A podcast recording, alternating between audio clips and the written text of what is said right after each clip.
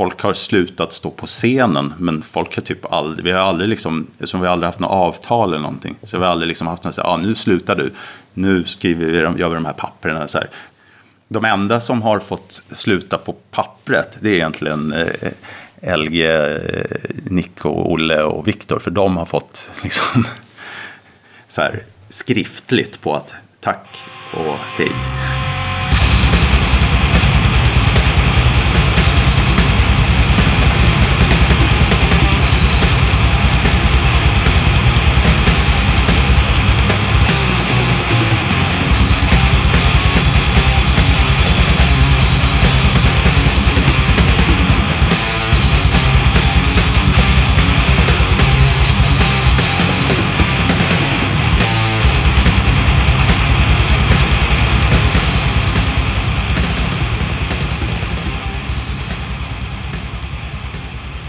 Har du precis börjat lyssna på avsnitt 124 av Rockpodden.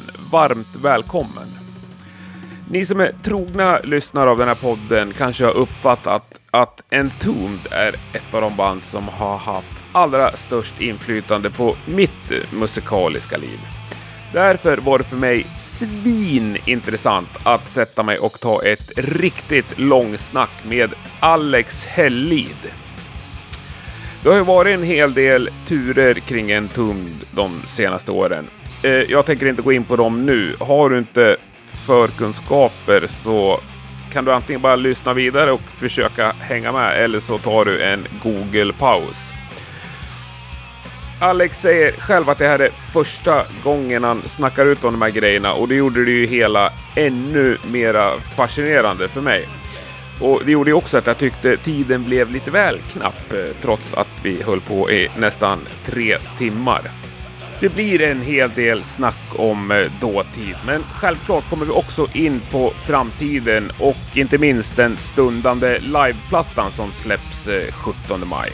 Och eh, längre in i avsnittet så får vi också höra en av mina absoluta favorit Entombed-låtar ifrån den plattan. Och den är fram tills exakt nu helt outgiven, så bara det är ju en anledning att fortsätta lyssna. Ja, ja, nu kör vi igång!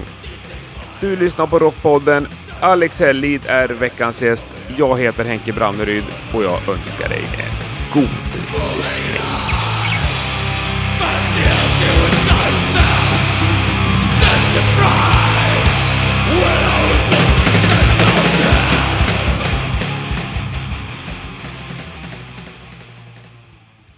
Alex Hellid. Yes. Äntligen. Första gången jag träffar dig. Ja. ja. Jag har sett dig på scen. Trevligt. trevligt. Genom mitt liv. Fy fan. Otalet gånger faktiskt. Men det var länge sedan senast. Ja, det, eller det går fort. Kommer jag få möjlighet att se dig på scen igen? Det hoppas vi väl. Det är ett, ett kretslopp som man det känns inte som, eftersom man gör alla bitar så det känns inte som att så, ibland gör man det, ibland gör man ja. det och sen gör man det. Oftast när man håller på med någonting så då önskar man sig till nästa. Liksom, mm. man, man, håller man på att spela in då önskar man sig att man var någon annanstans och spelade ute. Och sen när man spelade ute då önskar man mm. att man satt och gjorde något annat. Så det, man håller på med alla bitar känns det som att man... Ja, det är väl att tiden emellan går lite fortare nu än den gjorde förr. Men annars känns det som att man ändå ja, men som det här sist vi spelade, så här, ja, 2016, fan, det, är ju ganska länge sedan på pappret nu. Ja. Men i huvudet är det, det känns som igår ändå. okay. Så det, det är bara alla andra som tycker men, att det tar lång tid. Men har du, ja, det är vi många som tycker. Men har du något gig inbokat? Ett, eh, ett, en förfr ett förfrågan till en gig är väl också mm. ett gig, eller vad de säger. Ja. ja vi, vi har mest sagt nej till saker på sistone. Ja, det kan jag tänka mig att ni har. Ja.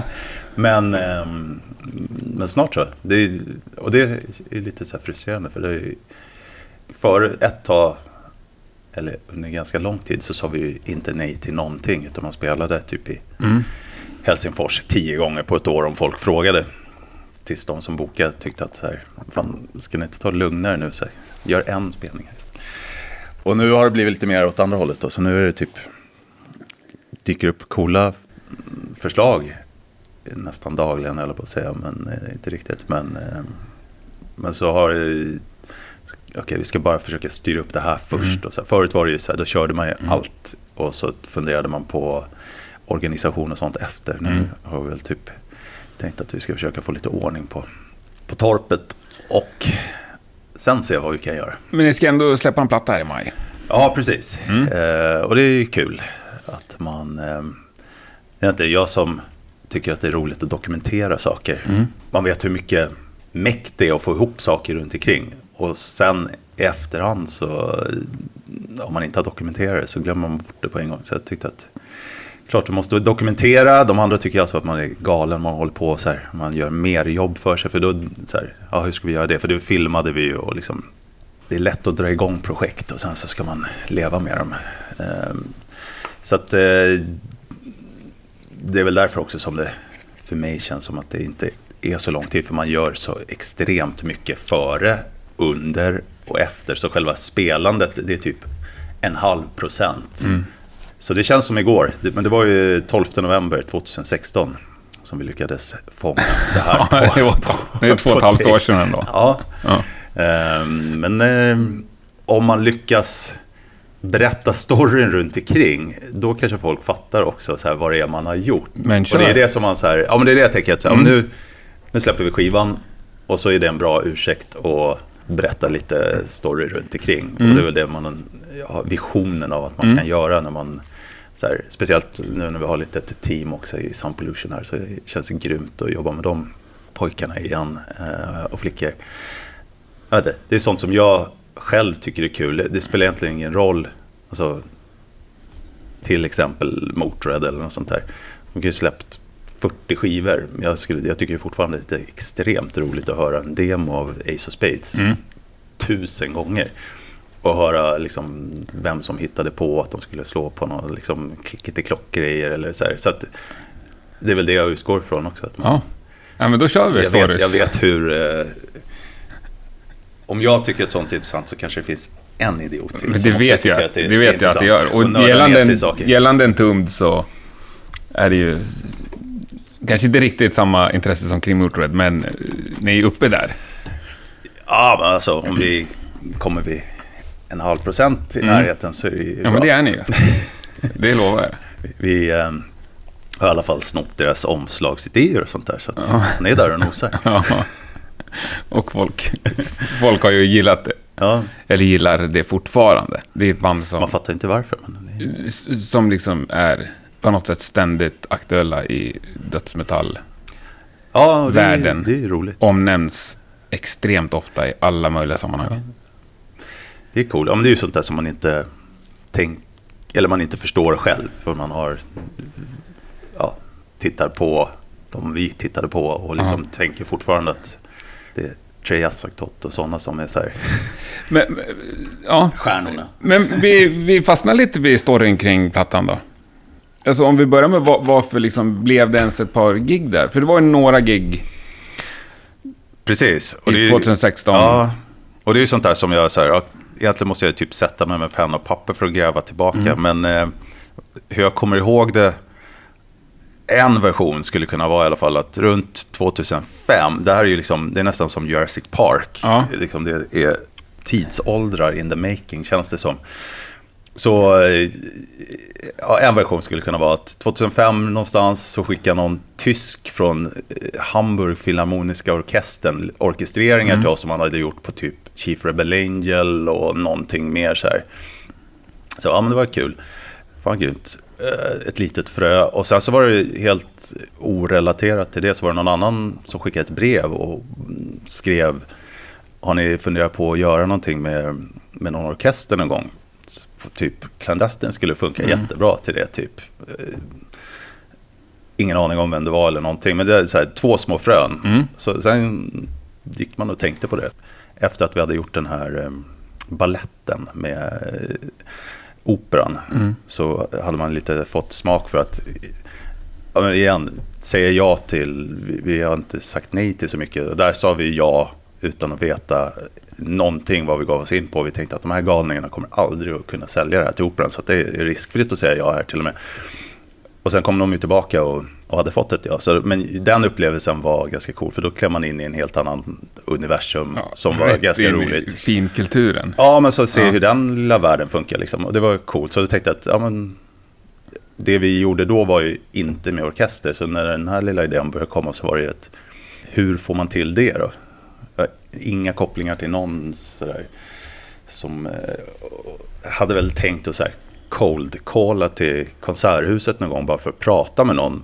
Men sen några år senare, kanske jag vet inte, 2008, 2009 eller 10, nej 10 måste det vara, kom det en förfrågan från uppe i norr, Sundsvall eller någon sån här, några galningar då, som hade tänkt sig att de skulle spela, eller det är inte så jätte eh, originellt kanske egentligen att pussla ihop metalband med orkester. Men de, hade de frågat, skulle dra igång någon sån Club Destroyer eller något i Mm.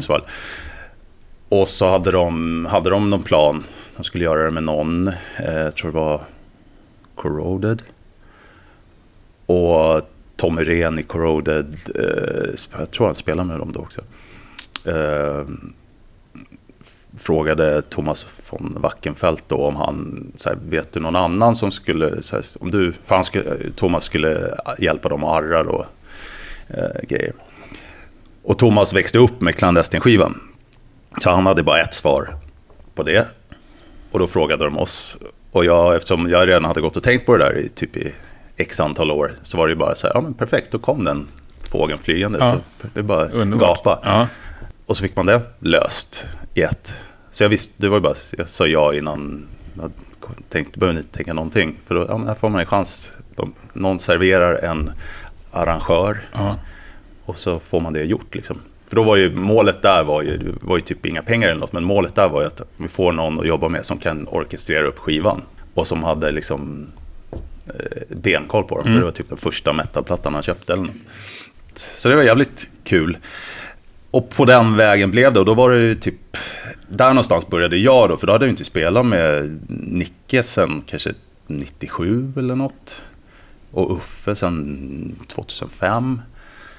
Men när man började prata om att göra den skivan, då så på en gång började jag ju liksom, fan, gör man en grej, och då var det väl kanske, jag vet inte om det var 15-årsjubileum eller 20-årsjubileum för, för, som det var, kanske det började nosa på där.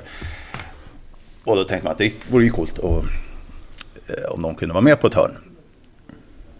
Och vi, Uffe var med och hjälpte till och, och plockade ut låtarna igen och så här, för det är så mycket som händer. Och det var också en anledning till att jag tyckte det var kul att göra det. För att det händer så mycket där. Så Thomas som har lyssnat på den i 20 år hade ju typ förberett sig ganska väl och plockat ut saker. Men så, liksom när vi satt ner då, så blev det ju uppenbart att så här, ja men här är det bara ett E. Och så, så bara, ja inte riktigt. Det, det kanske låter som ett E, men det, är, det händer det här.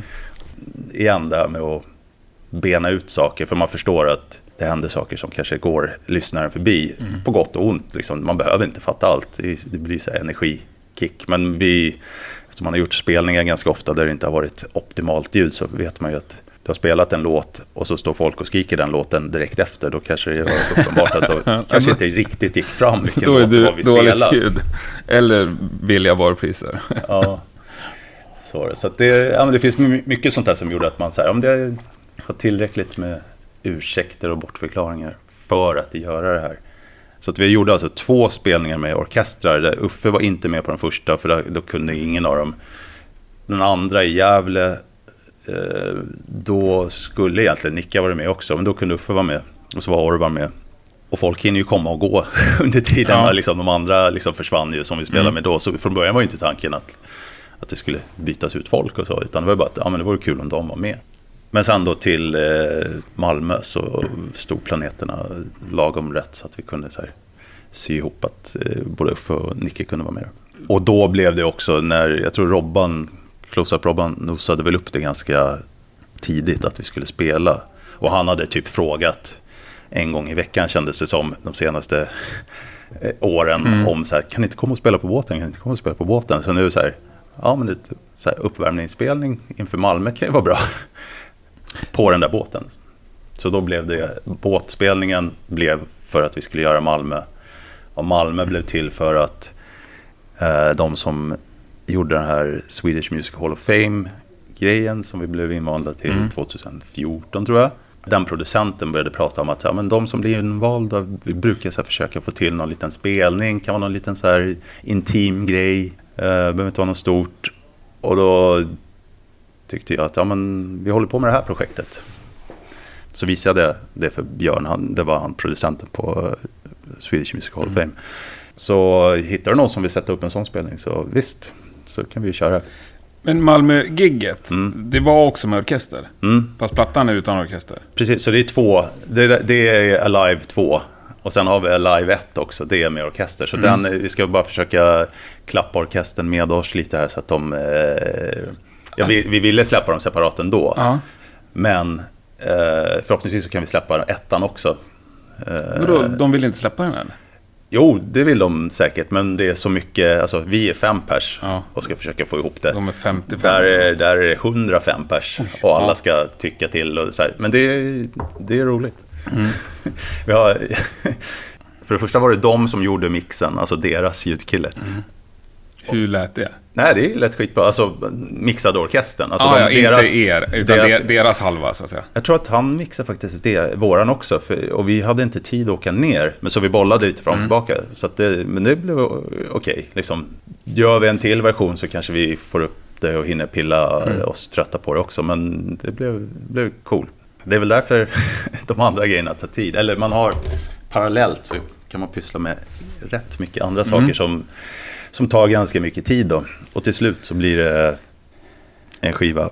Eh, och så får vi se om vi förhoppningsvis kan släppa del eh, Alive 1 också då. Det Alive måste 2. ni ju. För de hänger ju ihop lite. Ja. Eh, och så har man ju massa filmmaterial också. Men det är Mm. fan, allt har ju som extremt stor tid att göra om man inte har... ja. Och det är lite du som styr en Ja, men skepp. i det här just... Ja. Ja, men som, som de andra sa då, när jag så här, först spela, ja men fan vad kul, Mm. det blir ju roligt. Och så gör vi det, och så bara, ja men close up båten, ja men vad bra, det blir jättekul att göra det också. Och så, bara, så kommer man med mer hela tiden då, Mm. ja men filma vore, vore ju roligt och släppa det här. Och då bara, Ja, men som Nicke, han har ju typ 27 andra projekt Ja. också, så han började väl bli så här, eh, eh, eh, ja visst, om du pallar att hålla i det så, Mm. så cool. Ja, ger man ut det och sprider vidare så blir det, då har det hänt, men Mm. har, spelar bara, det är så få människor som är där, så att det är så här, efter ett tag så har det inte ens hänt om du inte dokumenterar Nej, knappt. typ. Så, och själv är man så mitt uppe i det, så jag, jag kommer ihåg vad som har hänt genom att titta på bilderna typ. Men, ja, du sa att ni har ändå fått förfrågningar hela tiden. Alltså när, när hoppade du av en tumd? Det har jag ju, sen vi startade har jag typ aldrig hoppat av någonting. Nej, okej. Det som idag heter en tumd AD, när hoppar du av där? Det har jag aldrig varit med i, så jag, har Nej, aldrig startat. men du De startade ett, ett annat band. Ja, men det... Så det bandet, det, det bandet eh, har inte jag riktigt någonting att göra med och har Nej. aldrig varit med i och kommer aldrig hoppa av det heller. Nej. men det... det Så Ja. El- LG startade ett nytt band, ville gärna kalla det för en tomd. Vi tyckte väl att, mm, ja det är väl sådär, du kanske ska kalla det för LG Rockers eller något istället. Eh, och så. Okej, men när slutade du spela med LG? För ni körde ju jävligt hårt. Eh, ja, eh, 2013 på i Gävle på, vad heter det, rock metal, met, vad hette den Ja, festivalen? Getaway heter det då. Getaway. Ja. Jag tror det var sista giget vi gjorde. För efter det så, då, vi höll ju på och tjafsade massor då, liksom om det så här namngrejer och skit. Ja, vad då för namngrejer? Ja, men... eh, Jag vet att du, har- har- du är säkert svinless på det här, men för oss som står utanför och som gillar en tumd så är det bara ett stort frågetecken Ja. egentligen. Och en stor sorg liksom. ja, fast det är, jag, ser, jag försöker se något positivt i det. Så, ja, det blir i alla fall förhoppningsvis ett intressant kapitel i någon memoar framöver. Ja, verkligen. Men du kan väl scratcha lite på det? Du kan ge Ehm. förordet till det kapitlet. Ja, ja men de eh, har ju en trevlig manager och han tyckte att det var en bra idé att registrera vår logga bakom ryggen på oss. Vi, vi, vilka de? Alltså den här trevliga managern Ja, tyckte att det var en bra idé. Och att ja, regga eh, loggan bakom ryggen på oss. Som vi, vi har ju liksom... Jag och Nicke hade inte reggat loggan för vi hade, vi hade blivit invaggade i någon sån här tro att man har... Det finns ju någon sån här, du har ju, det är ju upphovsrätt och alla Mm. möjliga sådana saker. Att du, så, här, så fort du har liksom gjort det och publicerat Mm. det så har du liksom en upphovsmannadel och bla bla bla. Och så här. Nu i efterhand vet man ju att ja, det har man. Men sen så kostar det ganska mycket pengar att hålla på och försvara sin rätt och sådana saker. Mm. Så att man ska ju absolut göra, tacka för alla sådana rättigheter. Men sen ska man ju såklart skicka in ett litet brev och betala 200 spänn eller vad det kan ha kostat då för den, på den tiden. Mm. Och regga saker och ting också. Så det har ju varit ganska lång och eh, intressant eh, skola kan man säga. Eh, men där någonstans, 2013, tyckte jag att då fick det räcka med att hålla på och tjafsa om de grejerna med dem. Så var det prat om att åka till Colombia och skit. Och så bara, ah, men nej, ni, får, ni får göra något annat nu, helt enkelt. Nej, du måste faktiskt vara mer konkret, för det tappar mig helt här. Managern, han var en Tums manager. Nej. Och, nej? Jag hade börjat prata, vi, vi hade ett förlag. Jag tror det kanske började där. 2008 så började vi jobba med Chrysalis, som Air Chrysalis hette de då. Och då var det Ben Malén, trevlig kille som höll i det. Och sen så byttes han ut mot Sanken. Och Sanken kände vi också sen förut. Eh, för våran förra manager var manager till honom också. Det är sån liten ankdam. Ja. Och han visste att jag letade efter, för jag, sen 2001 ungefär så har vi inte haft något utomstående management. Då hade vi, vi hade en manager som, den managern vi började jobba med 96-97 jobbade, anslöt sig sen till Maiden Managementet till Sanctuary. Så då hade vi liksom dem under 4-5 år eller något sånt där. Och det var ju cool. Men sen 2001 så slutade vi jobba med dem och då var väl tanken att jag skulle typ hålla i det lite under ett tag medan vi...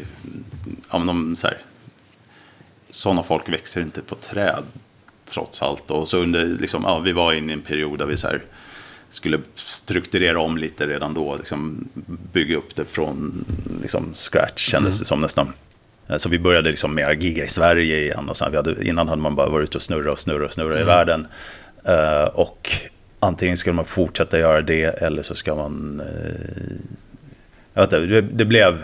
Jag kommer inte ihåg exakt varför, men det blev att vi, liksom, vi slutade jobba med Sanctuary 11, november, 11 september. Eh, för vi satt på en pub i London när det andra planet flög in Ja. i, i huset i New York. Så det är därför jag faktiskt kommer ihåg det. Så sen dess så landade det lite på mig. Och, för jag har alltid varit den som håller på och for better eller worse. Så typ, jag hade en fax. Telefon hade väl i och för sig de andra också back in the day. Men, så det blev jag som höll på att prata med managers eh, under tiden. Jag har alltid tyckt att business-sidan är liksom lika mycket artform som den andra. Men nersidan med det blir ju att det blir lätt att business-sidan tar 99,9% av tiden. De andra tyckte väl att det var hyfsat skönt. Då kunde de pilla på gitarrer istället. Typ. Ehm, I alla fall då, så att, eh, då blev det att jag gjorde det. Så man ha- hade typ 27 mässor till på sig. eh, Från 2001. Mm. Och så skulle väl det egentligen inte vara så länge. Men det blev ju typ en, ja, en 12 år eller något. Var det väl då till 2013. Man håller på fortfarande. Sen nu håller vi väl på att försöka hitta någon igen. Jag ska försöka hitta tillbaka till tråden här då.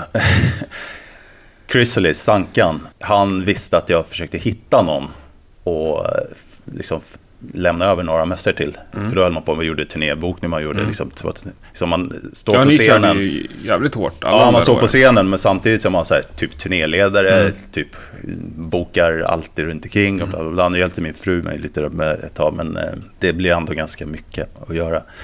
Så att han hade, och han pusslade ihop med, med den här managen då. För han, och jag tyckte att det lät, i första hand så lät det bra att få hjälp med så här turnéproduktion liksom så att man slapp. För det är lätt när man ska sitta och göra sånt här så det kan lätt ta dagar och bara boka flygbiljetterna liksom. Ja. Till, för att åka till, och sen om det är tre festivaler till, då, då är det lika mycket. Alltså det, är, det är ett pussel och det är, det är kul, det är så logistik. Men eh, Men det tar tid helt enkelt. Och ska det bli riktigt bra, man ska kunna foka på annat. Och då började det bli det att man ville börja fokusera på att spela in en ny skiva till exempel. Så det var väl det, var väl egentligen därför vi började prata med det här förlaget. Så här, ja, men ett sätt att börja jobba på nästan tonplatta. Och det här var ju runt 2008, 2009 eller något sånt där. Så att sen dess, och nu har det väl gått, jag vet inte, det var någon som sa hur länge det hade gått, sen 2007. Så på den, eh, jag har ingen aning om vad vi börjar prata om nu, men eh, där någonstans. eh, jag skulle förklara, jag skulle... Ja, du skulle förklara egentligen vad som hände.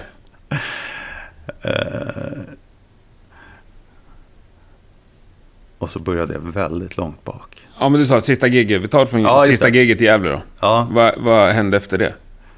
Nej, då, då eh, hade jag ju eh, bett dem eh, starta ett eget band. Eller mer eller mindre. Alla bandmedlemmar så att säga. Ja, För för du att- var den enda originalmedlemmen. Ja, Nej, och Helge. Han var inte med och startade bandet. Nej. Han har ju varit med på ganska mycket får man säga. Ja. Och han har ju slitit Ja, hårt genom åren. Ja. Ja, precis. Så, så absolut. Men eh, där någonstans började det bli lite väl... Det var en extremt... eh, Som sagt, jag kan... Eftersom man gillar stories och sådär, Mm. så om man tittar liksom utifrån, så är det jävligt intressant. Jag har det extremt frustrerande Ja, du får säga stopp när jag blir för närgången. Extremt frustrerande på insidan. Så, men jag kan uppskatta den, så här, det är därför jag säger så här, ja, om man skriver om det så kan det bli intressant. För då är det så här, då är det ju mer galna saker som händer, ju mer krydda så här, blir det ju på en story. men det är så här, ja men då började, för det, det var ju så här, den där sommaren var ju helt galen. Du vet, du ska spela, men då hade vi ju hållit på med någonting i, jag inte hur länge vi har hållit på och kört en ton. Och så bara 2013 så upptäcker man att eh, några galningar har så här, reggat vårt bandnamn och logga. Man bara säger what? eh, och inte då att det är liksom Inte Kalle i in- Brasilien, utan det är så här, det är inside, inside jobb. Liksom. Och inte av god och inte för er skull, så att säga. Nej. Eller? Nej. Nej, om du frågar, om du frågar, eh, frågar dem så är det ju såklart av, av godo. Mm. Men eh, de hade ju inte något medgivande från eh, Nej. upphovsmännen, då, om man säger så. I alla fall. Okej, backar. Du och LG är, vad vi säger, originalmedlemmar. Du ber resten av bandet att starta ett eget band. Ja, fast inte med, med de orden. Men, eller ja, kanske vi gjorde. Jag har inte, för att där, i och med den här, vi upptäckte, för vi, vi satt ju och hade liksom, fråga om, om han var, den här managen var manager för, eh, eh, för en ton. Vi höll ju på och pratade, som jag sa, att ville ju ha in någon. Och man var väldigt, liksom, jag hade ju hjälp utifrån mig så här, var väldigt tydlig med att, för det är extremt lätt Alltså, är så här, någon kommer in i något som en tomd. Det är ju inget svårt att boka en spelning. Speciellt inte om du ska boka sådana här spelningar som vi har gjort i tusen år. Så det var så här, det första, vi behöver ingen som kommer in och så här, lyfter på luren och bokar spelningar i Polen eller sånt Nej. där. Utan här handlar det om att det är 25 års dålig organisation vad gäller att styra upp saker internt. Vi har ju bara kört, kört så här, ja, nästa, nästa. Ja. Så här. Det, där, det där tänker vi på sen. Vadå, så här, eh, bokföring, eh, ja, det där klassiska. Så att det finns de ingre- ingredienserna också. Så här. Vadå betala skatt och vadå så här. och sånt där. Och bara så här att man har, jag vet inte hur många hur många medlemmar har varit, kommit och gått genom åren? Och så här, det är ju också så här, förändringen har ju varit, eh, vad heter det? Eh, det normala om man Ja. säger. Eh, Så att det var liksom, det första var så här, okej, innan vi gör någonting så vill vi styra upp det här. Liksom vi, har, vi har en nuvarande, men vi har också en historia och, och allting ska tas hand om. Liksom, nu vill vi så börja... Och det var liksom, det hade vi så bandmöten om att så här, men det här, nu ska vi styra upp det och vi ska försöka att inte åka och göra här, ta en, ja men så enkelt, ta en nolla från antalet spelningar och försöka sätta den på gaget istället så, behöver, så åker man inte till, liksom, till en stad tio gånger på ett år utan man åker göra en fest. Ja, men så här, Ja. Lite mer som, som man ser att andra gör. som Man levlar upp liksom. Ja, men, som har, ja, men också att du liksom inte sliter, eftersom vi inte var 15 längre heller. Så eh, det blir, eh, du kan inte riktigt åka på sån här turné, semesterturné Nej. längre heller när folk börjar få lite mer liksom, eh, folk runt omkring en som ska tas hand om också, liksom familjer och så. Ja, Så då är det ju bra och, och, och plus att vi också sa, ja, men det här, det har vi provat nu i 25 år att göra på det här sättet. Och du kanske- börjar ledsna på det helt enkelt, eller? Nej, inte lätt. Alltså jag, man blir ju så skadad så man är ju typ... eh, Liksom, eh, när man var liten kommer jag ihåg att det var extremt långt att åka tåg till Göteborg.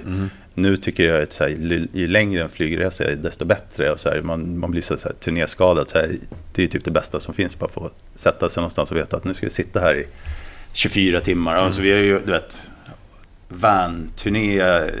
Första turnén vi gjorde i USA var i och för sig med buss, och den var ju extremt lyxig. Men sen att göra så här van-turnéer i 10 veckor, ju van att bara spela blöt, sätta dig i en bil, åka bil i 18 timmar i sträck och sen spela igen. Så att du, så här, du får ju någon sorts, eh, det är väl som någon så här militärtjänstgöring eller något. Du, bara, du blir så här, ja, där är det är ganska mysigt.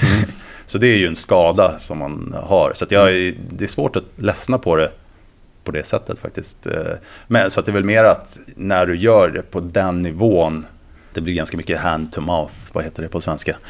Ur hand i mun. Ja, precis. Kolla. Ja. Eh, och eh, vilket betyder att du, du måste i princip göra det konstant. Liksom. Och då, eh, Ja, det jobbas aldrig upp någon buffert liksom? Nej. Nej. plus att du då inte hinner med att ta hand om det du faktiskt eh, skapar heller. Utan det är bara, det hinner bara generera nytt, nytt, nytt. Och så, så ska det spelas in något nytt och nytt och nytt. Så att eh, tanken var väl att försöka eh, se om man... Liksom, ja, man ser ju hur andra lyckas här, göra... Jag, jag är alltid så...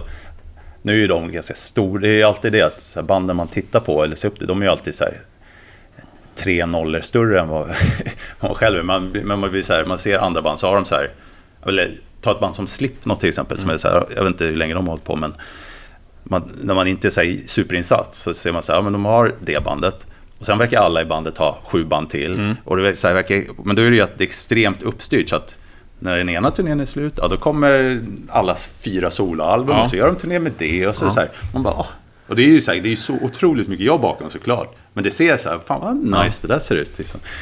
Kan man inte fixa det Så det var så du ville ha det? Ja. Ja men, ja, men just att man... Vi, alltså, vi, man får ju börja med bara ta sig upp till första trappsteget. Det där kanske är trappsteg 100. Jo, men vi, vi första behövde mera upp trappsteg på... har ni väl passerat, eller hade passerat sedan länge ändå?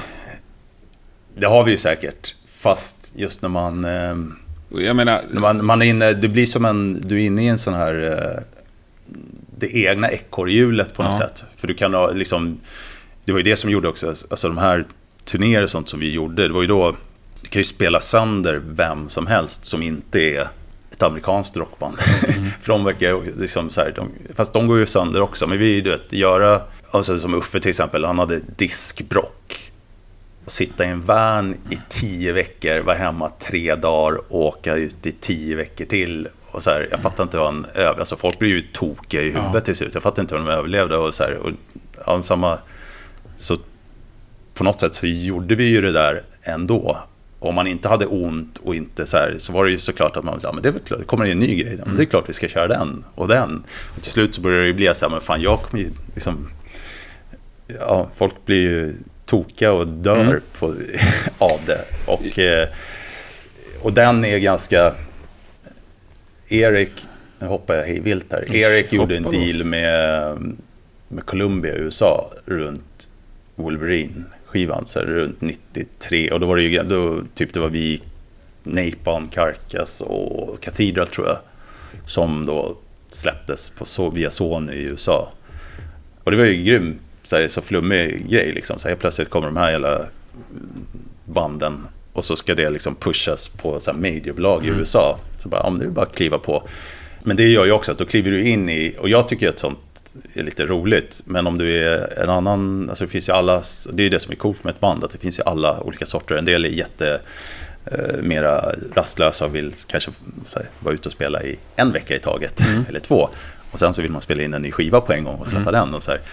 Och, och jag tycker att alla bitar är, är coola, så att det, för mig är det så här, ja, för kliver, det är ju det, kliver du in i den världen, då, är det så här, då börjar du jobba med folk som tar helt för givet, alltså amerikanerna, att de kunde ju inte fatta, alltså vi, när vi hade gjort typ två eller tre turnéer från Holloman-epen typ och så här, mm. du gör de här grejerna och folk där borta börjar få upp ögonen. Typ att, det vill säga du får erbjudanden om att göra ännu fler förbandsturnéer. Där du inte tjänar några pengar såklart, men du får åka med Type Negative var grymt stora då tror jag, runt den tiden. Så då var det så här, för där är, då blir det ju bara att du ligger på ett stort bokningsbolag. Och då är det så här, ja men cool, vi ligger på samma bolag som det, det och det. Och så de tittar ju bara på, ja men om vi pusslar ihop de här med de där, ja då får vi in 300 biljetter till. Och så, alltså de som sätter upp dem, ja. den sortens turnéer, tänker ju så, vilket ja. är såklart man gör. Men då var det så här, jag kommer ihåg att det var någon, det började, vi hade gjort jag kommer ihåg att Nicke och Uffe var säkert mer än färdiga med att vilja åka hem och, och spela in en platta till för säkert tre turnéer sedan ungefär. Ja.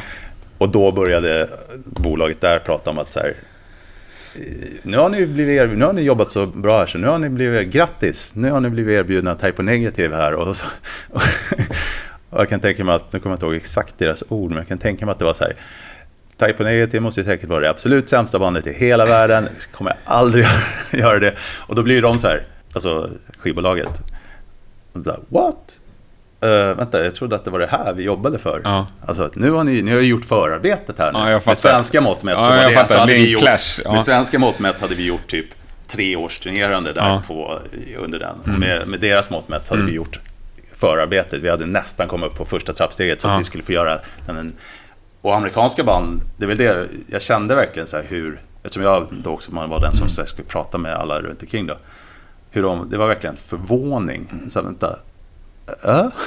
Men varför har ni gjort allt det andra om ni inte var inte, jag trodde att det var det ni ville. Du vet. Ja. Det är så här, för, och det är, jag vet inte, det är en, där är en liten kulturkrock där. Där borta, jag kan gissa att så här, hade vi varit ett amerikanskt band och som hade kommit till den nivån, då hade det bara varit okej, okay, Sätt på nya hjul på vanen. Nu åker vi tills... Ja. För nu börjar det hända. Ja, men du vet så här. Du kollar på band som White Zombie eller något ja. sånt. Så här, de, det tog två, tre år för Geffen tror jag att få liksom, den plattan. Mm. Så började det hända något. Och de turnerade ju säkert tills de dog också.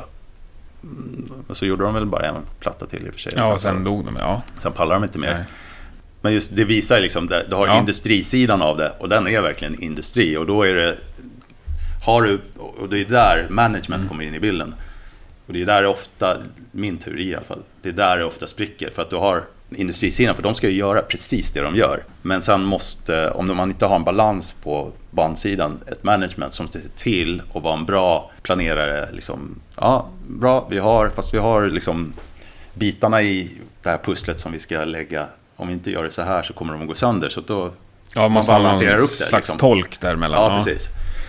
Och det ser man ju på alla nivåer. Så här, det är inte många som har det. De banden som finns kvar idag, det är väl de som har haft här, bra management egentligen. Det är där ofta som det spricker på. För det spelar ingen roll om det är liksom Guns N' Roses eller vad det är. Har du, ni jämför Guns N' Roses och Metallica.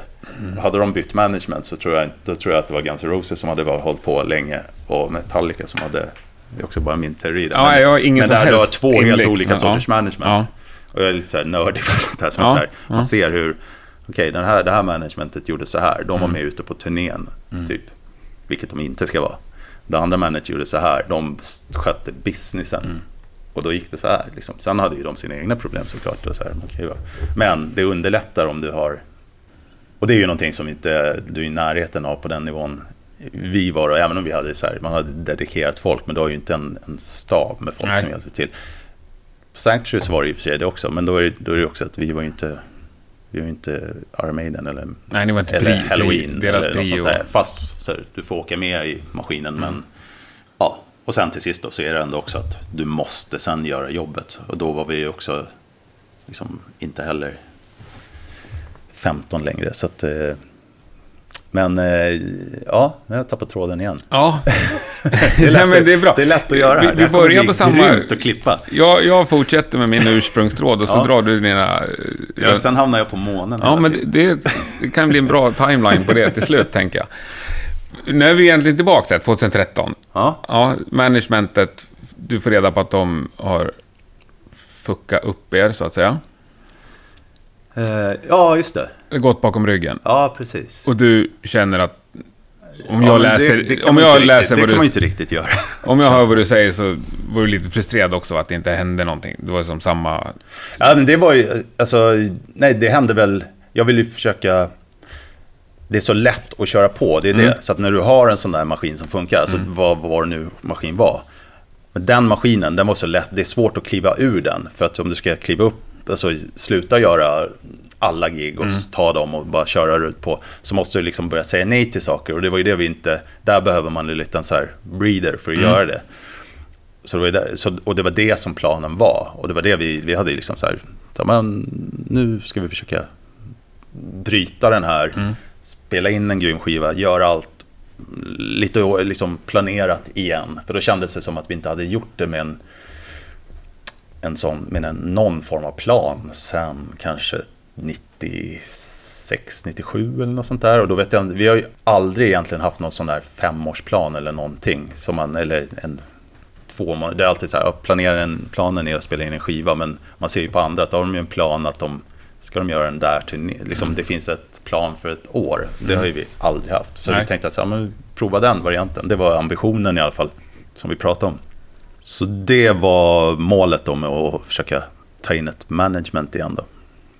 Liksom kunna få eh, fokusera lite mer av tiden på att skriva och göra liksom bandbiten. eh, För min del då i alla fall.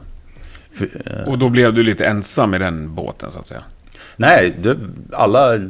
Nej, vi var ju överens Alla var överens. Ja. men Ja, eh, någonting hände ju uppenbarligen. Ja, 2012 blev jag sjuk. Och där någonstans... Fast, och sen så var det ju redan innan där. För att jag... Eftersom jag, du vet, man har hållit i det ganska länge. Så jag var ju ganska noga med att jag, så här, som jag sa, ville inte att någon skulle komma in och bara börja boka spelningar hej vilt. För det är det enklaste du kan göra. Och det är så här klassiska, så här, om vi har ett band. Om fan, de behöver pengar, ut, skicka ut dem och spela. Fan vilken bra idé, du vet. Skitenkelt, men eftersom vi hade gjort det så länge så kändes det som att du måste göra någonting mer än att bara göra det så här, skicka ut barkbåten i sjön igen. Liksom, för, Ja, det, behöver vi, det behövde vi ingen hjälp med. Liksom, utan det var ju typ, hur gör vi det här för att komma till Nästa nivå. Ja, precis. Vad det nu är. Men i, och i det här fallet så är det ju att du är lite mer, att du gör det med en plan egentligen. För då, om det är det klassiska, om du gör, tänker 10 procent, 10, spenderar 10 någonting, en tiondel av tiden med att göra, planera lite så, så blir det, den här 90, resten blir väldigt mycket mer lätthanterlig. Ja. Så det var väl egentligen det, att inte köra det där, eh, vad heter det, hand i mun grejen. Eh, Så att där spricka, om jag skulle, från mig sett så var det väl när jag började förstå att den här managerindividen inte riktigt var någon som man kunde lita på. Och som inte direkt förstod det här med att du ska inte bara börja boka spelningar, för det kan vi göra själv. Eh, det var där någonstans tror jag. För då började nog den personen känna det också. Och där någonstans började väl han kliva över. Okej, men om jag buntar ihop mig med, med resten av pojkarna här. De kan jag ju faktiskt bara skicka ut på de här turnéerna. Uppenbarligen. Ja, fast det är ju exakt det där. Hur gick det till? Hur, hur liksom... När separerades du ifrån Ja, resten av när, grabbarna? när jag, han, jag, för jag har faktiskt, eftersom jag har hållit på så mycket med den här hela Ja. legal-biten. Ja. Och det har ju varit en jävla blur. Plus Ja. att jag var extremt, alltså hjärtat stod väl still i typ 16 timmar. Så att eh, det är så här, en sån här operation där de bara kyler ner en. Så jag var ju typ, Oj. det, ja. jag, i princip så blev jag 38 år. Så nu är jag på, nu är det 2.0 liksom. Eh, och, och i den vevan då så, han hade nog börjat förstå. För jag, när man gick tillbaka och kollade så här, ma- mailkonversationer. Så hade han börjat fatta att jag ville inte ha att göra med honom. Och där kan man så här, på, se på, da, på datumet när de har lämnat in en registrering. För då har han kommit på att så här, han pratar med dem om så här, men har ni registrerat ett bandnamn? Och så här, han försökte använda det som en sån här eh, blackmail-grej, utpressning. Okej. För att få en att så här, göra, jobba med honom. Det är det enda jag kan fatta det som. Men, och fortfarande så fattar man inte varför. För det är så här, okej om det hade varit Metallica eller något. Men hur fan, alltså kliva in och göra det på, så här, på en tom så här, svensk nivå. Jag vet inte vad de... Det var någon som jag vet inte om det var de här som sa att de så här, säljer 400 skivor eller något sånt. Man bara, alltså, har man inget bättre för sig? Nej, men jag kan ju förstå det. För, för, för, mig är det en tumt svinstort, så jag är fel man. Och, Jo, men alltså och, att om du, så- om du som professionell, om det är det du gör, för det var det jag trodde Ja. att han var. Att han var en så här Ja. professionell manager. Det första du gör då är ju så här, är det att kliva in och så här sabba det du ska försöka.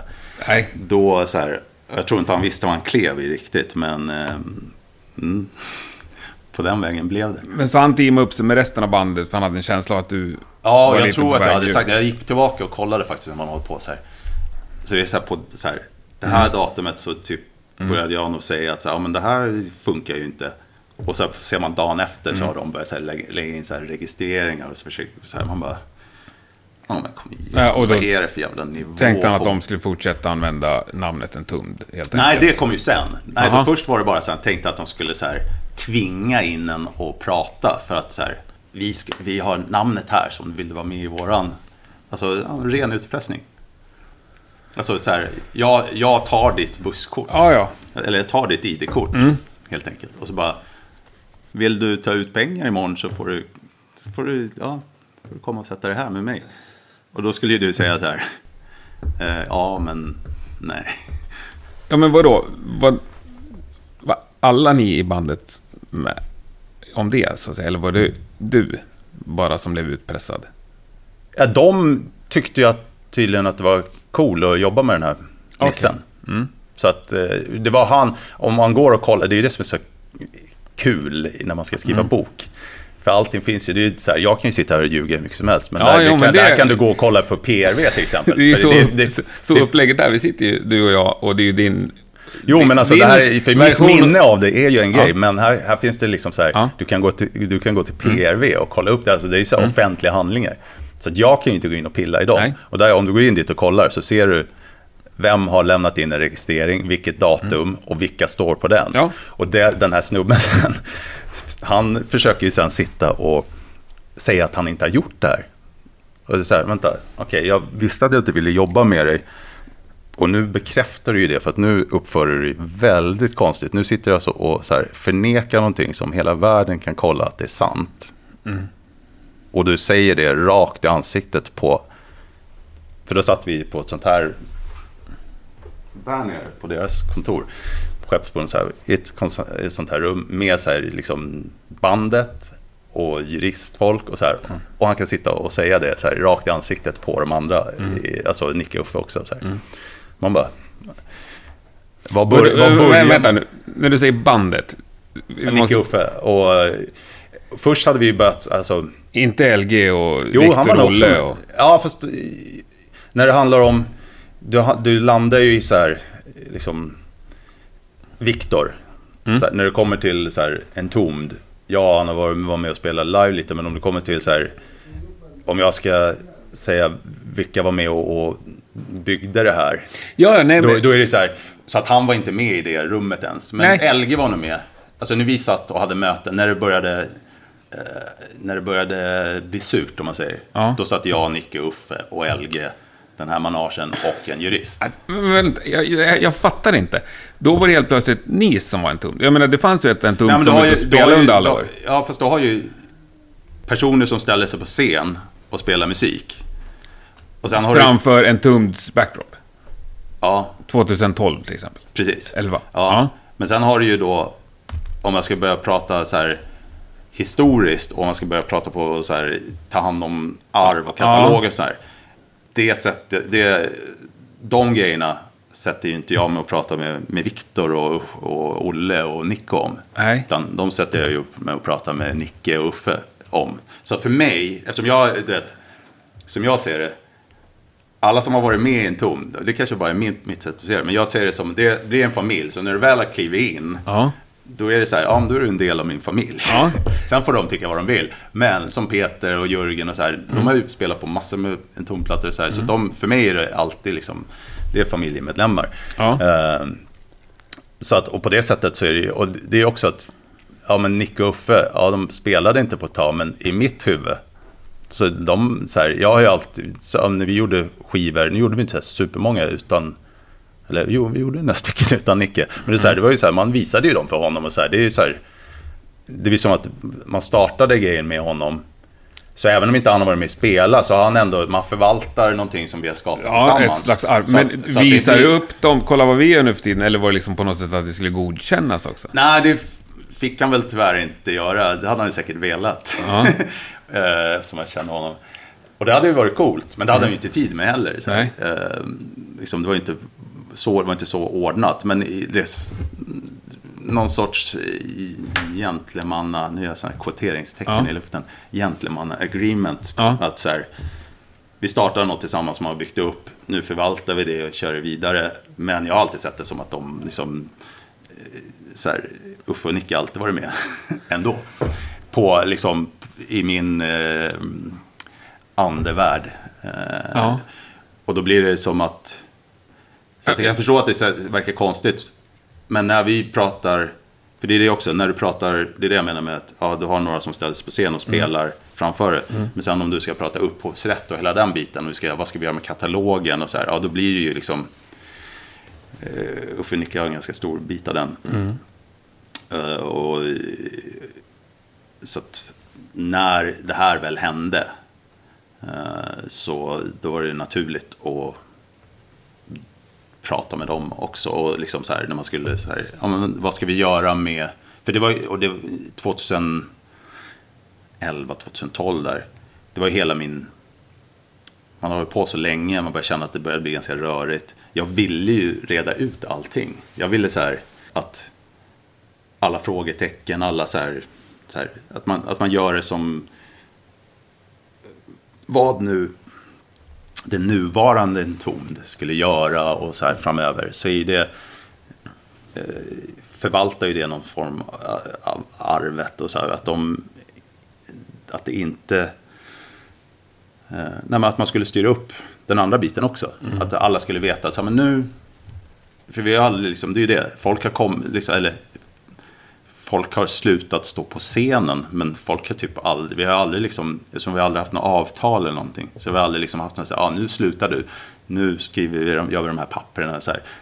De enda som har fått sluta på pappret, det är egentligen eh, LG, eh, Nico, Olle och Viktor, för de har fått liksom så här skriftligt på att tack och hej. Tack för er tid i en tum. Så... um, En sån här berömd trådtappning igen. Vad- Ja, men det är ju en sån fascinerande historia. Jag sitter och, jag sitter och funderar i banor av så här... Hur långt ska vi ta det? Dokumentär. Ja, Ja. men hur långt ska vi ta det? För alltså, ju mer du pratar, ju mer vill jag bara fråga. Ja, ja men det är det. Vi håller ju på så här, vi har- ju fått lite frågor om att göra dokumentärgrejer och sånt där också. Vi Ja. har ju, Björn och jag väl också, och och de andra Nicke också. Så här, vi har ju, men det är det där att det är sån, jag älskar ju dokumentärer Mm. och så här, biografier och sånt. Det är bara att den här är, det är, ingen, eh, det är inget halvtimmesavsnitt. Nej. Så att jag vill ju göra, jag- här, jag- vill göra en, en så här, om det är en, det är en dokusåpa liksom. Att det kan bli, Det det kan bli ganska smalt, men för de som... Ja, men det De kan, gillar- det kan bli de smalt fast det kan bli mycket. brett. För man kan Ja. göra det till, ja men det här är det här är några kids som spelar musik i Stockholm. Sen kan det så blomma ut till att hela världen kan du dra in i det om du vill. Ja. Och sen så kan du ha, jag ser det som någon sorts liten, en tomd, till slut kan en tomd vara bara en liten del i en, en större ramstory som handlar om kärlek och relationer. det är ju ja, poppis. Ja, vi kör på det. Du, nu ska vi hoppa i, tidslinjen här. Mm. Idag, är alla rättstvister lösta? Eh, det vore väl tråkigt. Det finns lite heta Ja. potatisar kvar. Ja, det är just för att... eh, Men det är lite coolt. Rättssystemet är ju det det är och det tar ju tid saker. Så även om du får rätt så, ska, så kan du hålla på och överklaga det och så ska du... Bara att skicka, nu vet man ju, bara att skicka ett brev till dig som du ska svara på. Det är ett halvår. Typ. Och Ja. sen så när jag har fått ditt brev, då ska jag svara på det och så är det ett halvår till. Så att två, gällande, två är ingenting. Gällande namnrättigheterna så vann du i första instans i alla fall. Ja, först hade vi ju PRV. Det är ju mer ett så här byråkratiskt, de vänder papper tror jag lite mer. Eh, vi har ju liksom gått igenom den här processen, jag, det är fem år. Så att, och det är olika från land till land. Jag börjar bli så här bra på det liksom, är- Så här är det i Sverige vad gäller liksom, trademarks och sånt. Det här gäller i Europa. Sverige är ju en del av Europa i EU, så här, fast vi är ändå lite vid sidan av. Så reglerna är inte lika. Och i USA gäller det här. Så man, blir, man, ja, man börjar bli lite så här, Man är nog mer expert på, i alla fall från vårt håll då, än vad de flesta andra är som jobbar med det. Alltså när det kommer till, det är ju, varje situation är ju unik såklart, så att det är jättesvårt också att få, du kan inte gå in på en, liksom en expertbyrå och få bara så här, ja, är det här, vad ska här jag göra? ja. För det är så jävla mycket bakom grejer. Men eh, man börjar bli bra på sånt i alla fall. Så det är, ja men det finns så, det finns att leka med lite fortfarande. För att just eftersom det, det tar sån, sån Mm. tid och du ska liksom hålla på överallt och så här. Det, men som sagt, förhoppningsvis blir det ett eh, bra kapitel. Eller fem minuter i dokumentären. Men eh, du eller ni törs släppa en skiva under namnet Entombed? Ja, det har vi aldrig, alltså, Nej, det det kommer... behöver vi aldrig bry oss om. Det här är, Nej. ju- det är ju så här, Men vad är det Annars- det gäller då i korta drag? det är ju en låtsasvärld egentligen. Alltså, Men är det då kring pengar, upphovsrätter från plattor och sånt? Nej, egentligen inte. Eller alltså nu är det ju... De... eh, vet inte riktigt hur de tänker. Jag kan inte spekulera i det. Men de, jag tänker de mig att- försöker ju tända... Egentligen så är det ju så här. De vill ju inte heta bla bla bla rockers. Utan de vill egentligen kalla sig för en tomd. Entombed AD? Ja. Fast de säger något helt annat när du pratar med dem med, när det är andra folk i rummet. Men sen så får du brev där det står andra saker och så här. Det är, alltså, det är skitintressant. Men ehm, Du är inte fine med att de heter Entombed AD? Det blir lite knepigt. Alltså, jag vet att Nick och Uffe, de var så här, "Ja, men kan inte de få heta? Alla vet ju. Men det blir så här. Fast sen så bokar då Pablo i, i Colombia en tomd. Och så undrar de varför inte jag kom dit. Ja, fast... Och folk läser, alltså om du tänker dig på Ghost till exempel. Jag har Ja. inte någon aning om att de hade någon twist, för jag har inte jag skiter i det. Men, Och att det står BC efter. Ja, Who knows? Men, och det märkte jag, så att oavsett vad, man, oavsett vad jag vet, så, vet jag, så märkte jag på en gång att den som sitter och bokar spelningar, som kanske skiter fullständigt i vad folk har för sandlådegrejer för sig. Jag skit, alltså, bokare skiter i, för, speciellt för festivaler. Jaha, en, t- okej, ja men det blir bra.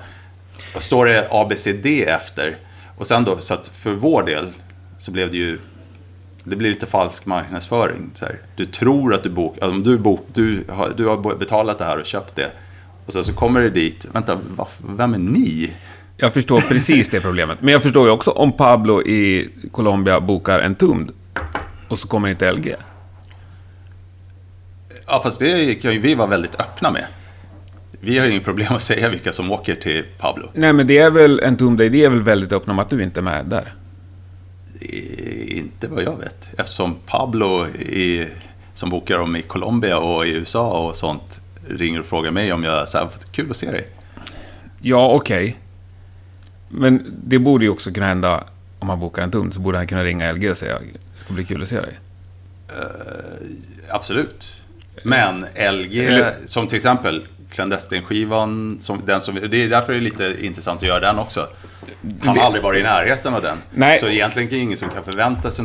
Och sen är det också så här Det- att, det att jag. eftersom vi inte, det är det också, eftersom vi inte är, det är inte Frank Sinatra eller Celine Dion som Nej. inte kommer dit. Liksom en metalvärlden, det är lite mer så här, i alla fall som jag, så här, det, det är därför coverband funkar. För att folk blir ro, det är roligt när det låter i baren. Så här, du står i baren och dricker bira. Får man för sig ibland i alla fall. Ja. Det är schysst att det låter. Och så här. Namnet är egentligen större, alltså speciellt när det är oss i alla fall. Så vi har, det, det har inte varit liksom Paul Stanley och Gene Simmons och Ace Frehley och Peter Criss i det här bandet heller. Som har liksom så här utåtstående, liksom, personliga imager. Liksom. Så att namnet blir ju liksom större än, än individerna, vilket är helt okej, tycker jag. Och sen så för, för vår del då, så har det också varit att vi har alltid åkt runt och gjort spelningar. Ibland var en med, ibland var inte den med. Och ibland, vår, vår första USA-turné, då var, det, då var det jag, och Nicke och eh, Rosenberg var med tror jag. Så då var vi ju fyra. Nästa gång man kom till Kanada till exempel, ja då var vi tre. Så att vi, så här, du vet, så här, ja, man, man, man spelar och det är liksom att man gör det som folk verkar uppskatta. eh, Liksom, och det vet jag ju så här själv. Eh, om, jag, om jag går på en Maiden-konsert, jag blir inte superledsen om inte Paul Diano sjunger. Eh, sjunger inte Bruce, ja... Ja, fast det var ju... det var På, jag vet inte, vad hette han? Paul... Nej, Bale... Blaze Bailey. Blaze Bailey. ja. Riktigt lika roligt. Men det funkar också, men ja. inte. Det är ju liksom, när det kom till Maiden, det var så här första giget jag var på. Så när det kommer till dem, då är det så här, Steve Harris med? Ja, han var bra. Jo, det är klart att alla band har olika... Så man har ju någon så här känsla.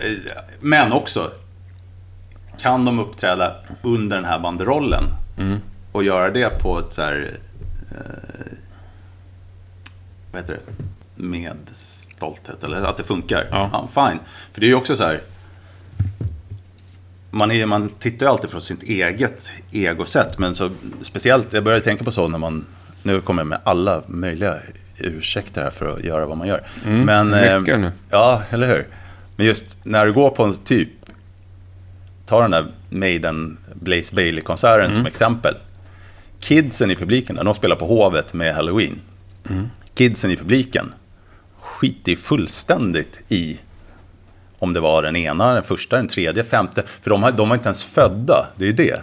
Och det märker man ju nu också. att De här kidsen som, som upptäcker, det började redan så här 2010 och så här, hade kids fram i publiken som hade så här nyupptryckta Nihilist-tröjor på sig. Och bara! Det är så här hur grymt som helst. Men det blir ju också att ja, det blir större än oss som personer. Utan det är mera, ja, vad är det? Det är myten, det är det och det. Men det blir, det är ju, det blir ju definitivt, ja, vad ska de, vad ska de, om du börjar gilla ett band. eh, Så vad- vad finns ska- det ju någonting med det du gillar. Och förhoppningsvis inte bara... Jo, Liksom, om du gillar musiken, men Ja. vad ska de göra? Så här, folk kan ju vara döda. Här, Ja. du, då, då ska du... Och så fortsätter... Om, med, för med den premissen, då så här... Jag gillar ju, exempel, Napalm. Mm. Så jävla bra. Men om du ska vara puritan då, ja då finns det ju inget att titta på där, för det är ingen som var med från början. Nej. Nej. Så att, men de är ju så här... Jag skulle ju... Ja, men jag bär ju en Napalm-tröja med stolthet varje dag ändå. Mm. För att, och just för att man så här... Shane och de som är i bandet nu, de är ju så här, ja, hur grymma som helst. De för ju vidare på ett coolt sätt. Mm. Och det, då blir det okej. I min värld. Mm. Sen, sen så finns det ju alltid folk som så här, tycker att det var bättre förr. Och på medeltiden var det absolut bäst. Men... eh, Ja, men om vi säger så här, om vi ska vara, nu, nu ska jag vara rak. Ja. Alltså, tycker att jag som gammalt en tumfan måste välja sida? Absolut inte. Nej, för då ska jag ju säga, alltså jag har sett en tum där i och tyckt att det varit svinbra. Ja, men det, har väl, det är ju det som jag menar. Alltså, Varför? jag har Alltså, sett dem flera, folk- flera gånger, men jag kommer speciellt ihåg en gång på Göta källare. Det var liksom ett av de tajtaste dödsmetallgig jag har sett. jo, men det, och min fråga då är ju, varför skulle det inte vara det? Nej. Kompetenta människor som för oväsen, varför skulle det inte vara bra? Och jag älskar LGs röst liksom. Jag tycker det är en av de bästa ja, den, den är dödsmetallrösterna. grym. Men, och var, så det är det som är grejen. Varför skulle inte det vara bra? Ja, det är där jag menar att man blir trångsynt för att man säger varför, varför skulle inte det vara bra för? Sen att jag inte har tid att lyssna på det, så här, det är en annan femma, men jag har inte tid att lyssna på 3000 miljoner andra Nej. band heller. Så att bara för att någon, alltså även band som jag, alltså folk som man har vuxit upp med, så här, man hinner ju knappt lyssna på någonting sånt. Nej. Så det är inte så konstigt, eller det är konstigare och så här, bara för att någon som du har spelat med gör någonting så ska man ha en, måste man välja sida eller något så här. Nej, det måste man inte. Det har ingenting med det att göra. Nej, för jag har ju... Vi har ju, jag, jag, jag det här är typ första gången jag säger någonting om Ja, sådana här grejer. det är därför jag är helt sjukt intresserad av men det här. för min del, så här, alltså jag är ju extremt... Alltså problem för mig, det är typ Mm. cancer och sådana saker. Allt annat är ju typ... Ja visst, folk kan vara ledsna i sandlådan, men ja, det är egentligen inget problem. Sen att det, det som är, det är att man, okay, man har ett begränsat antal timmar Mm. att leka med. Och det är mer det att man säger, jag har inte tid och, och så, det här att man, man har inte tid Mm. att tjafsa om så här idiotsaker. Men det är, det är ju något helt annat. Sen Mm. att, så att, fan, more power to you om du spelar musik. Fan, Mm. det, är, fan, det är självklart. Nej, för jag har vägrat eh, valt sida. Jag har sagt, nej men jag gillar båda liksom. Mm. Jag gillar alla inblandade. Och, men jag snackar med mycket folk. Jag har gjort många avsnitt med liksom Peter Stjärnvind och Viktor Brandt och Thomas Skogsberg. Alltså li, lite så entombed eh, familjen som jag kallar det. Liksom. Och det dyker ofta upp eh, kommentarer. Ja, Kring- vad säger folk då? Fan, det är detta? Sitter du och spelar in Ja, video? jag måste ju dokumentera. Du ser, Shit det, alltså. Jag det- håller mig utanför. Ja, då ska jag luta mig bakåt fortsättningsvis också. Det har jag ingen aning om. Nej, men jag är lite så Nu har Eh, jag lagt av, så nu får du säga vad du vill. Ja, bra. Får du se hur jag klipper det här. Lägger in fel svar. Uh, nu tappar jag tråden fullständigt. Alltså, nej, men du frågar vad kommentarerna var. Nej, men det är ju, många säger så här, "Ja, jag håller på den, jag håller på den liksom. För mig dog en tum när Nicke slutade. Det är en vanlig kommentar. För mig kommer LG alltid vara en tum. Det är som, det är två ganska vanliga. Ja, fast det är ju... Ja. Och liksom, nej det är Nicke, Suffes, gitarrliv, det är de som gör hela grejen. Ja. Det finns ju många olika... Och det, det, men det jag tror är vanligast är liksom bara, fan kan ni inte bara slå ihop er? Alltså, kan ni inte bara lösa skiten? Ja, och jag tänker väl så här. För oss är det ju mer, det märkte man också när vi började jobba i, eller sen när man började träffas och repa och så, göra saker. Det, han- alltså, det är som jag säger, det där är en sandlåda. Vi sysslar med musik typ och gör, alltså det, det är så här, det där är det sista man tänker, så man börjar alltid i den andra änden. Man börjar med, men det är så grymt, bara komma, komma in i ett rum, då har du Nicke Uffe, och så ska du spela någonting, för då har jag typ lurat ihop dem genom Ja. att säga att nu ska vi spela in, det var, det var faktiskt så, så här 2014, 15 Ja men nu, nu, jag kommer inte ihåg hur, jag vet inte om jag sålde dem på att vi skulle, jag höll på med det här återutge skivor, så ska vi berätta det här med storytänket där. Bara, vore det inte coolt, som vi, har, vi kontrollerar inte de tre första plattorna. Och då hade Okej. vi b- b- börjat då så här, jag hade gett ut eh, fyra, fem, sex. Eh, började, för det gör man ju såklart. Om, man, om man har The New Hope där, eh, fyran, så började vi i den änden. Star Wars-tänket såklart. eh, Insider. Ehm, och, men sen så var ju tanken var att även göra all, liksom det här, är- jag ser det bara som en ursäkt. Att å, göra återutgivningar är en ursäkt att berätta storyn om någonting. Så då var, hade jag, jag tror jag lurade ihop det med att vi spelar in Supposed to Rot, för då kan vi börja göra den plattan också. Skita i att be- be Erik om lov. Sen nu har vi börjat prata lite med dem igen också. Men... Så jag tror jag sålde dem på att spela in, för det var typ den första låten kanske, eller bland de första som vi gjorde. Och sen så brukade vi spela, det var typ Master, Evil Dead, eh, of Death och någon Terrorizer-låt så, här, så vi brukade köra som covers. Så, man, så jag tyckte att Evil Dead och to Rot, de hänger ihop lite. Och så kan man så här förklara varför. Så att tanken var att så här göra som en singelklubb. Där du har en låt från en skiva på ena sidan och en cover som på något sätt i vår värld är relaterad till den då. Och så kan man berätta storyn och så här. Och då, liksom, Scream Gore med Death är typ inte den sämsta plattan i världen. Så Nej. då kan man, så här, om det är någon som inte vet om det, så kan de få lära sig lite om den. Bla, bla, bla. Det var 2014, då gjorde vi det i en studio som Nicke valde och den var typ, såg ju nästan ut som Sunlight-studion. Så då ja, vet, filmade vi, det blir nästan som, som, som vi inte filmade så mycket när vi gjorde det där från början. Så var det så här, så här gick det till när man, och den såg fan ut som, som Sunlight gjorde på den tiden. Den studion som vi spelade in i. Nu måste jag avbryta med en parentes. Är det D-drums på Left Hand Path? Ja, det är klart det. Fan! jag hade en vadslagning i veckan. Ja, ja då, vad heter han? Vad heter han? Gene Hoglan frågade mig för några, nu var det väl säkert tio år sedan, känns som igår. Ja. För han, då hade han varit och spelat in någon platta hos Thomas och Thomas hade tagit fram det där trumsetet. Ja. Och han bara, bara, jag måste bara fråga, är det sant att det var det som Nicke spelade på? Men då var det, för det var hälften, jag tror att virveln kanske var riktig. Ja. Och kaggen var definitivt D-drum och så tror att pukorna var D-drum också. Har han fan 100% rätt. Jag tror det var Robert Persson. Det? Mm. Humbucker. Det var han som hävdade detta och jag sa Mm. aldrig. Jo, Ja, ja, men han, han har koll. han vet väl. Han sitter ju på inside, den Ja. jäveln. Ja. Så eh, andra också. Det är, inte, det är inte förrän Wolverine som det är ett helt trumset. Det är i och för sig den som låter bäst. Ja, Tycker jag. den är, den är bra. Helt Eh, var var vi någonstans nu då? Jag vi vet tappar ju inte. tråden här. Ja, vi tappar tråden helt. Nej, men det var väl det här med... Jag sa att kan ni inte bara sätta er ner och lösa problemen och eh, Ja, fast vi på. löser ju problem hela tiden. Det är bara att så här, Men eh, bara, Eh, att, att för nu, för oss att lösa problem, det är egentligen så här.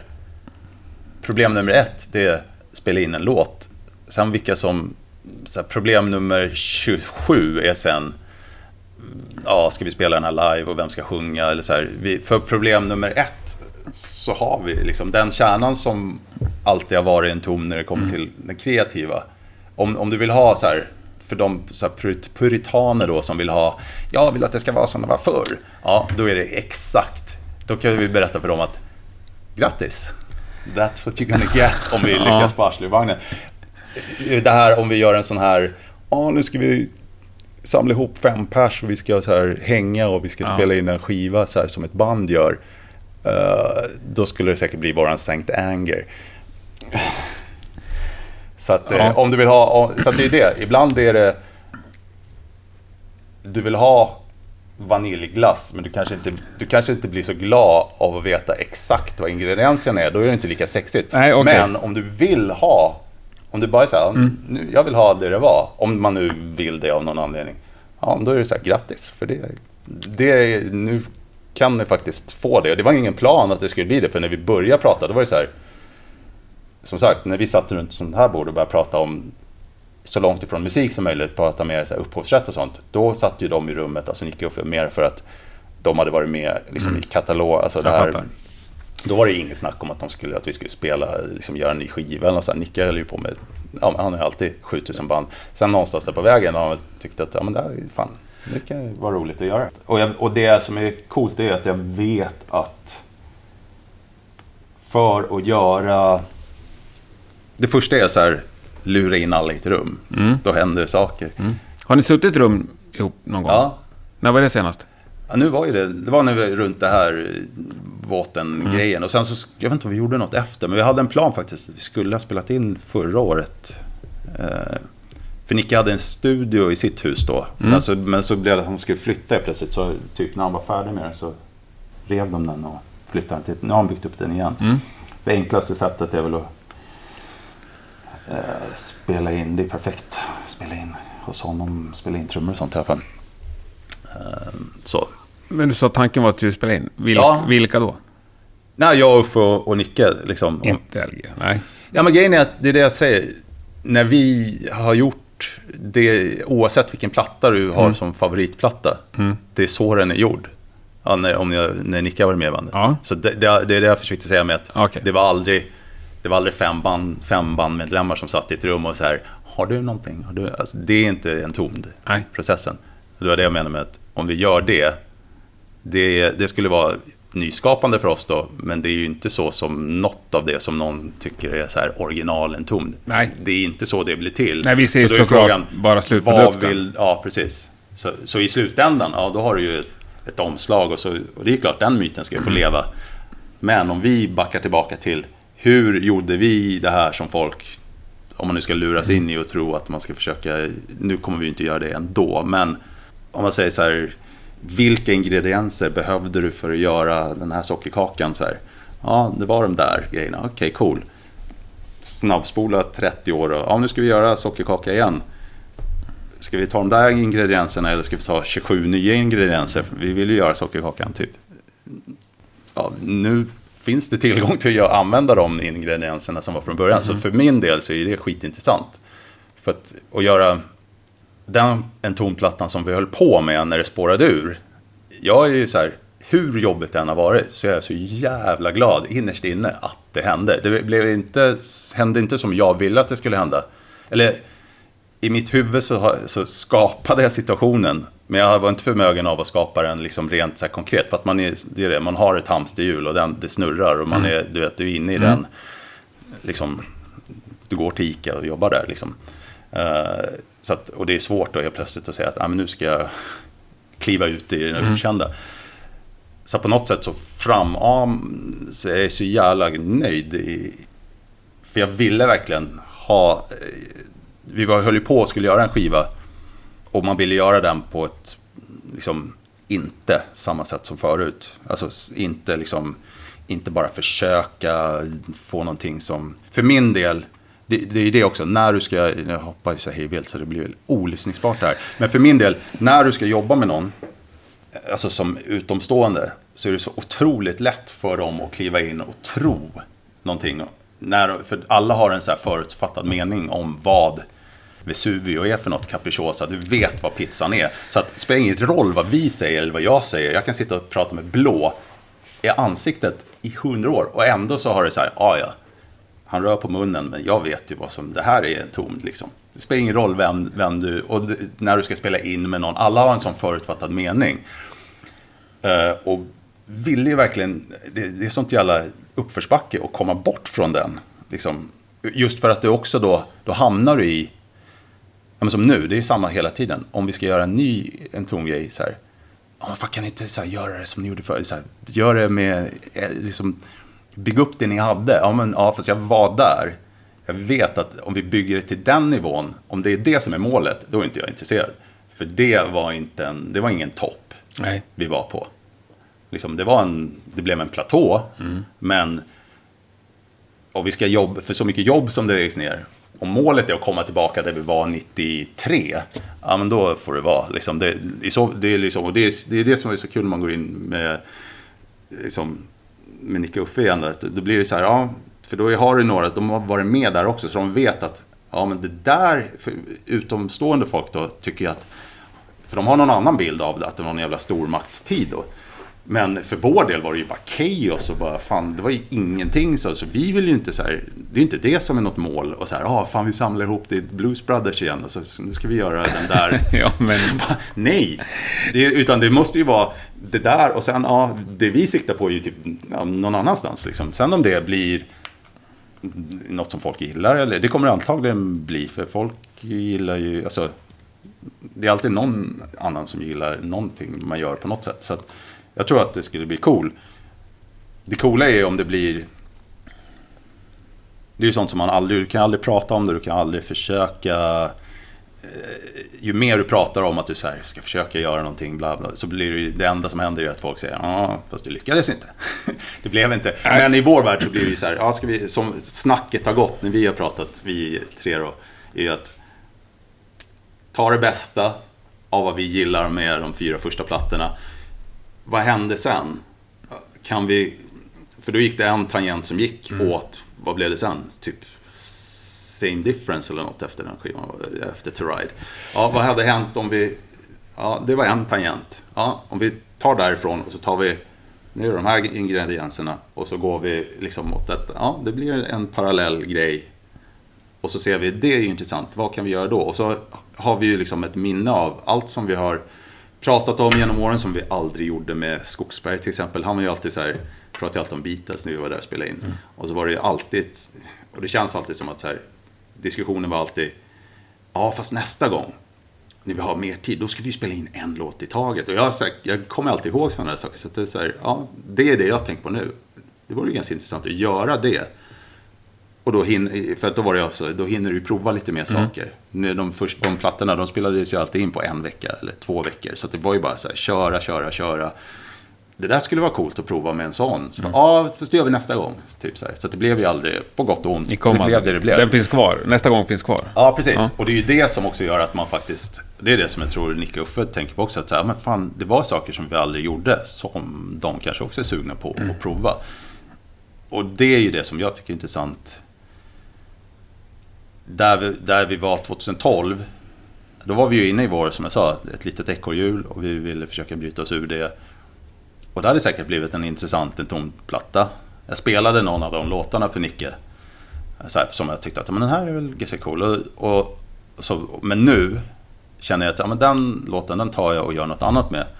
För att så här, hans kommentar var ja men det, fan, det låter ju grymt. Det låter som, som en tom utan Nicke Andersson typ. Så ja, det har du ju jävligt rätt i. eh, och nu vet jag att han gillade väl så här, jag hörde på omvägar sen när Chief Rebel Angel kom ut, den lyssnade han på så här mycket. Mm. Så här, vet jag, ja, men, ja men bra, då har vi så här, lite, det är inget sånt som vi pratar om, men så här liten godkännande mm. stämpel liksom mm. så här. Och det är, är grymt.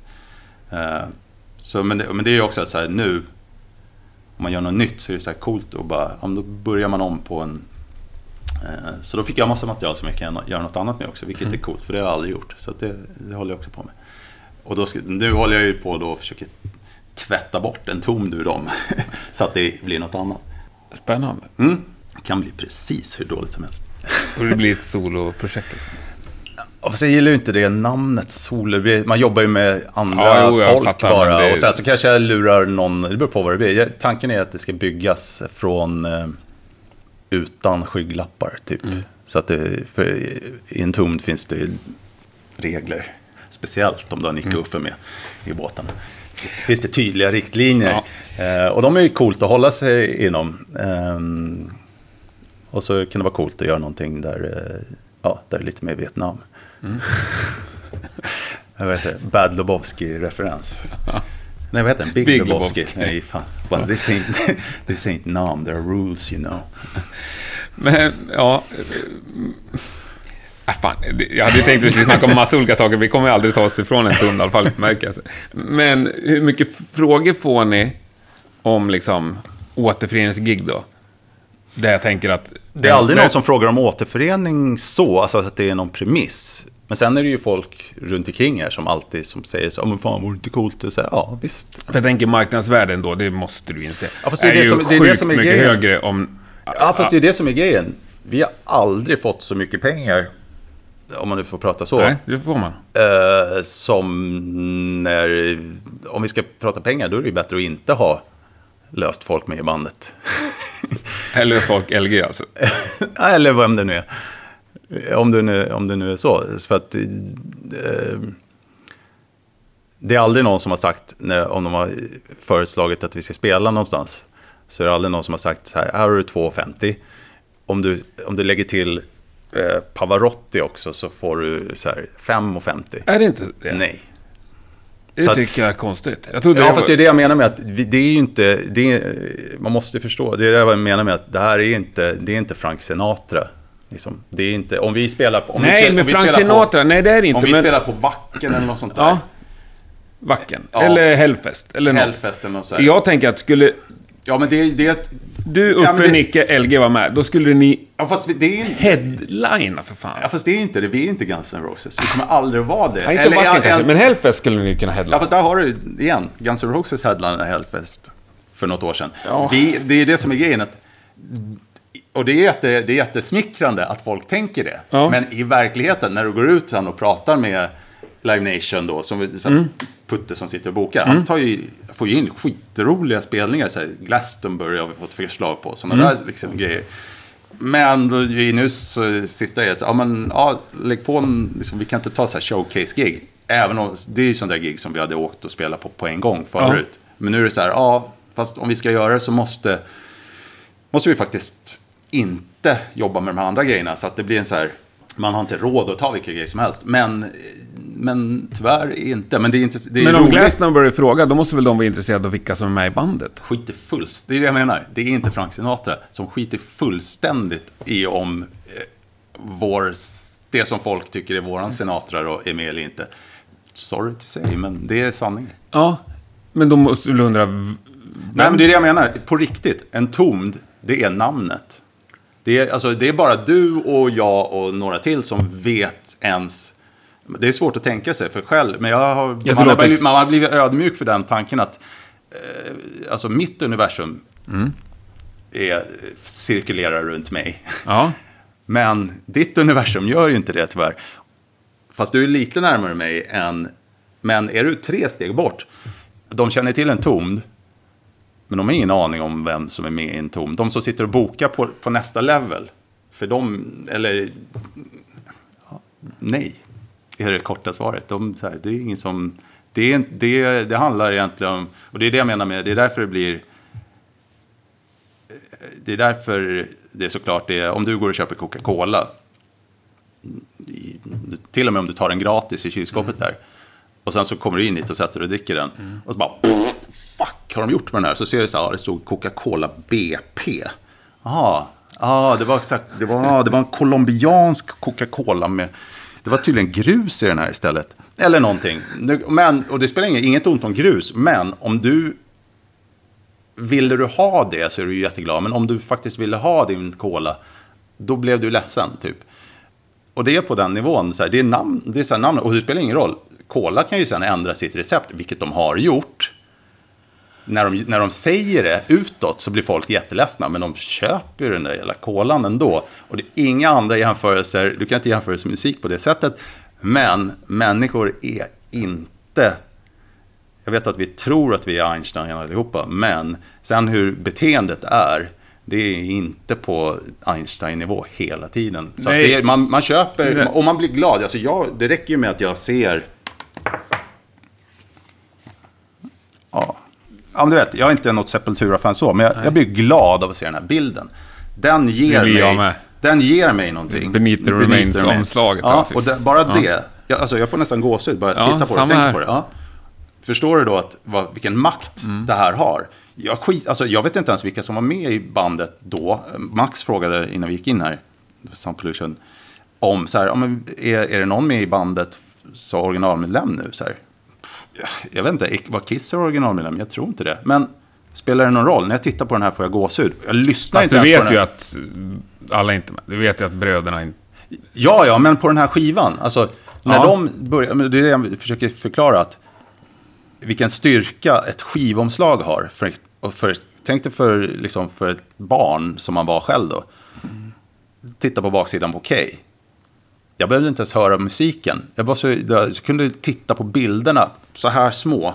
Och se ett omslag. Och det kunde vara Asia eller någonting som jag aldrig har hört. Jag skulle inte i Styx. Och det var en massa sån här skit som man, så här, eller skit, jag ska inte säga skivomslag som man fick ut någonting av för att man såg dem. Och, det bara, du, och sen om det då råkade vara ett så här Number of the Beast-omslag, alltså man blir ju så här, det, det ger en mer än, alltså det ger en ju lika mycket som att höra musiken. Alltså för du får en, så att om du tänker det på den nivån, så är det ju liksom, jag behöver inte veta vilka som var med i Sepultura på den här tiden. Hade jag möjlighet att gå ner och titta på dem och de skulle spela den här skivan här nedanför imorgon, eller nu, så, så är jag ju bara glad att de gör det. Jag, så här, ja, är Max, Men du vill är väl Max att det med så är det, är Max med så är det, jo fast det, grejen är, det är klart man vill att det ska låta bra, men om de gör det under, vad ska man säga, jag, fan jag kör ordförråd som en femåring. Gillar du Batman? Eh, nej. men jag- Gillar du Spindelmannen eller Nej, någon sån nej, jag Gillar, gillar du någonting som har funnits förr i tiden? Som du så här, ja, AC/DC. Ja, ja, men där har du ju också så här massor med problem då. Om du inte säger, ja, fan, ska du sluta lyssna på dem bara för att han dog? Eller, eh, här, eller men jag tycker filmer är ganska Nej, bra. men jag, slu- med filmer, nej, men jag slutar när Axel Rose kom. Och där är det så jävla- Även om han gjorde det Där relativt så bra. jävla intressant. Det är så här, första gången jag pratade med Uffe senast igår eller något. Han bara, de, har ju all, all, de är lite mer så här strikta. Och han sa att så här, fan, fast han gjorde AC/DC bra. Han gjorde ju det. Och så här, och det är så här, fan, är det Uffe? Fan, måste kolla. Så här, Jo, det är Uffe jag pratar med. tror du aldrig man skulle höra en, en, så här, ett positivt ord om. Axel Rose. Eh, och det är ju så här förutfattade meningar och man älskar dem för alla de där grejerna. Men jag vet inte vad jag försökte komma med det där. Men det är just att, att det, är, det finns en makt i, i en bild. Och det tycker jag är så jävla coolt. Att, och visst, är Max och Igor med och spelar när vi går ner och tittar så är det skitkul. Men gör de det bra och det låter bra och de får spela under. Det är mera så här, får du använda Disney-loggan på din film. Och då har du något, du blir liksom, du är godkänd. Och då är det så här, ja men då köper jag. Det var det jag försökte komma till med filmgrejen. Att om du ska vara puritan då så, och gilla Batman eller något sånt där. Ja. då är det ju originalgrejen som är, det är inget annat. Men du har ju generationer sen som älskar de senare Batman-filmerna. Och det funkar lika bra det också. Och det är helt utbytt, det är helt nytt folk. Det är, det är namn, du får, det är liksom en story som berättas vidare. För mig blir det mer som du vet, du tänker... Och det är det jag tycker är coolt. Du har här och nu. Det måste vara det här. Men sen i det stora hela så är det liksom så här, ja, men om fem minuter så kommer inget av det här finnas kvar. Alla kommer vara döda, men musiken kommer leva vidare.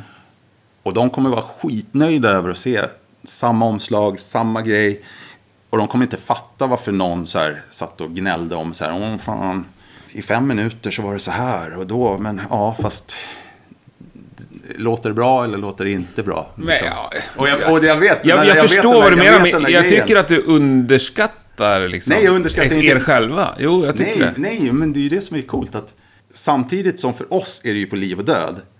Men så vet man att det kan finnas någon i Peru, vilket det då gör, som de har aldrig sett en ton i hela sitt liv. Nej. Så får de bara höra, liksom, det är som för oss. Du hör den där de- demon.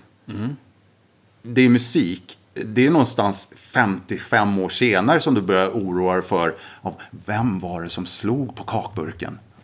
Fan bryr sig det lät som det lät. Och, och, så, och då, jag underskattar inte, men jag tycker att det är en cool, det är en cool, eh, en cool sanning. Och det gör ju att så här, om du kollar på nu när man ser så här, var är en tom st- stort? Ja, så här, Sydamerika tydligen, där vi typ aldrig var och spelade. Jag tror aldrig Nicke varit där och spelat. Nej. Men det behövdes tydligen inte eh, för att folk skulle gilla prylen. Och då eh, göra en som, som en sån här live-grej tycker jag också är coolt. Att det blir så här, du, du spelar in det och det är därför jag tycker så här, dokumenterandet är coolt. För då kan, nu kan man så här, sprida saker till folk där borta så att de kan typ vara med i ett rum och få ta del av en grej som jag hade älskat att, att få se liksom, den sorten med sånt som man själv gillar. Så, här, så att, eh, ja, och det går ju alltid att trycka på av-knappen om man inte vill eh, höra någonting. Ja, det gör det. Ehm, för att det är ju, man, man, eh, man kontrollerar ju så extremt lite själv. Ehm, faktiskt. Även om man så här försöker för allt i världen att kontrollera massor med saker. Ehm, Nej, okej, vi kommer kanske inte hitta konsensus. Meningen med livet. Nej, det kommer vi absolut inte göra. Men jag kände bara när jag lyssnade igenom Clandestine Ja. live-grejen nu att Fan vad skit lät. jag blev jävligt glad av att höra liksom Nicke spela dödsmetall. Ja, det Alltså när, när vi kommer ner till crawl där, alltså jag började så här hoppa. Ja, det är ju jävligt coolt. Jag, Ja, och sen, jag så- menar, jag älskar Peter Stjernvind. Jag tyckte han var svinbra en stund också. Ja. Men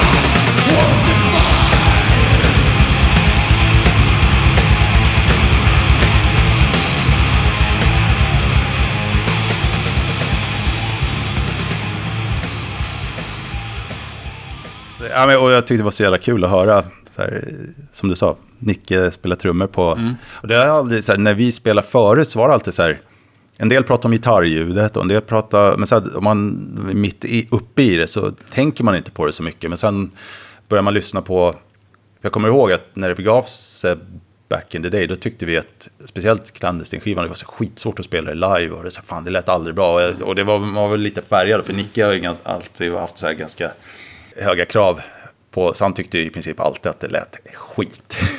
alltid förbannad var jag, inte alltid, men var jag så här, om jag skulle så här, mood efter spelning, 89, så skulle jag inte se så här, fan vad bra det gick framför mig, utan så här, förbannad på allt som gick fel typ. Ja. Men det gör ju också att så här, ja, det blir ju inte någon som slappnar av och försöker att så här, lalla sig igenom saker. Liksom, utan det, det, så det, det är grymt att ha det i botten. Men sen bara höra att så här, för det här, den här plattan är ju inte heller att vi har haft tio spelningar på oss och vi har tagit ut det bästa, utan det här är ju typ ja, en tagning. Och, eh, ja, så blev det, och jag fattar fortfarande inte vad han sysslar med. Men, eller vad någon av dem sysslar men Jag vet vad jag försöker göra, Ja. men att de andra är så här. Uffe är också så grym, för han är så här. Medan jag ska försöka komma ihåg vad jag heter så är han så här. Ja, nu kan jag låten. Och nu ska jag försöka spela den så här coolt. Istället. Ja, så, här, så han så här lägger på nästa level och så här typ. In, han, kan ju spela som, han kan ju spela som en dator. Och sen så spelar han liksom så här. Ja, men det. Som en cool dator. Ja. Eh, och mixen däremellan blir väl någon, jag är den som försöker hålla mig kvar i glatta livet. Och så blir väl någon sorts mix där som, som, eh, som blir vad, vad det blir när vi spelar live helt enkelt. Men, eh, men är det är jävligt... Nu nämnde du gitarrljudet. Eh, snackade med Thomas Skogsberg om det där, kommer jag ihåg. Vem ska vi ge cred för HM2-metalen? Leif Kussner från början. Eh, som spelar med oss, alltså när vi Första, start, startade ja. bandet så jag, jag träffade Nicke, eller nu då, klass 4E, Kista. Så börjar en, en ny kille i, i fyran, hans familj flyttade tillbaka från, jag vet inte var de kom ifrån. De hade inte bott i Kista innan i Nej. alla fall, för vi andra hade gått, små hårdrockare, hade liksom vuxit upp där. Och vi hade varit på kollo innan, typ året innan på något annat ställe. Men då kom Leffe till klassen där och då sa, blev det att nästa år så åkte vi till hans kollo istället då.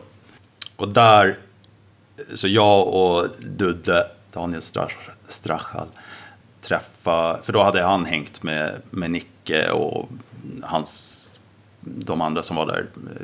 Så vi träffade honom, jag- vad kan det ha varit, 85, 85, 86 eller något.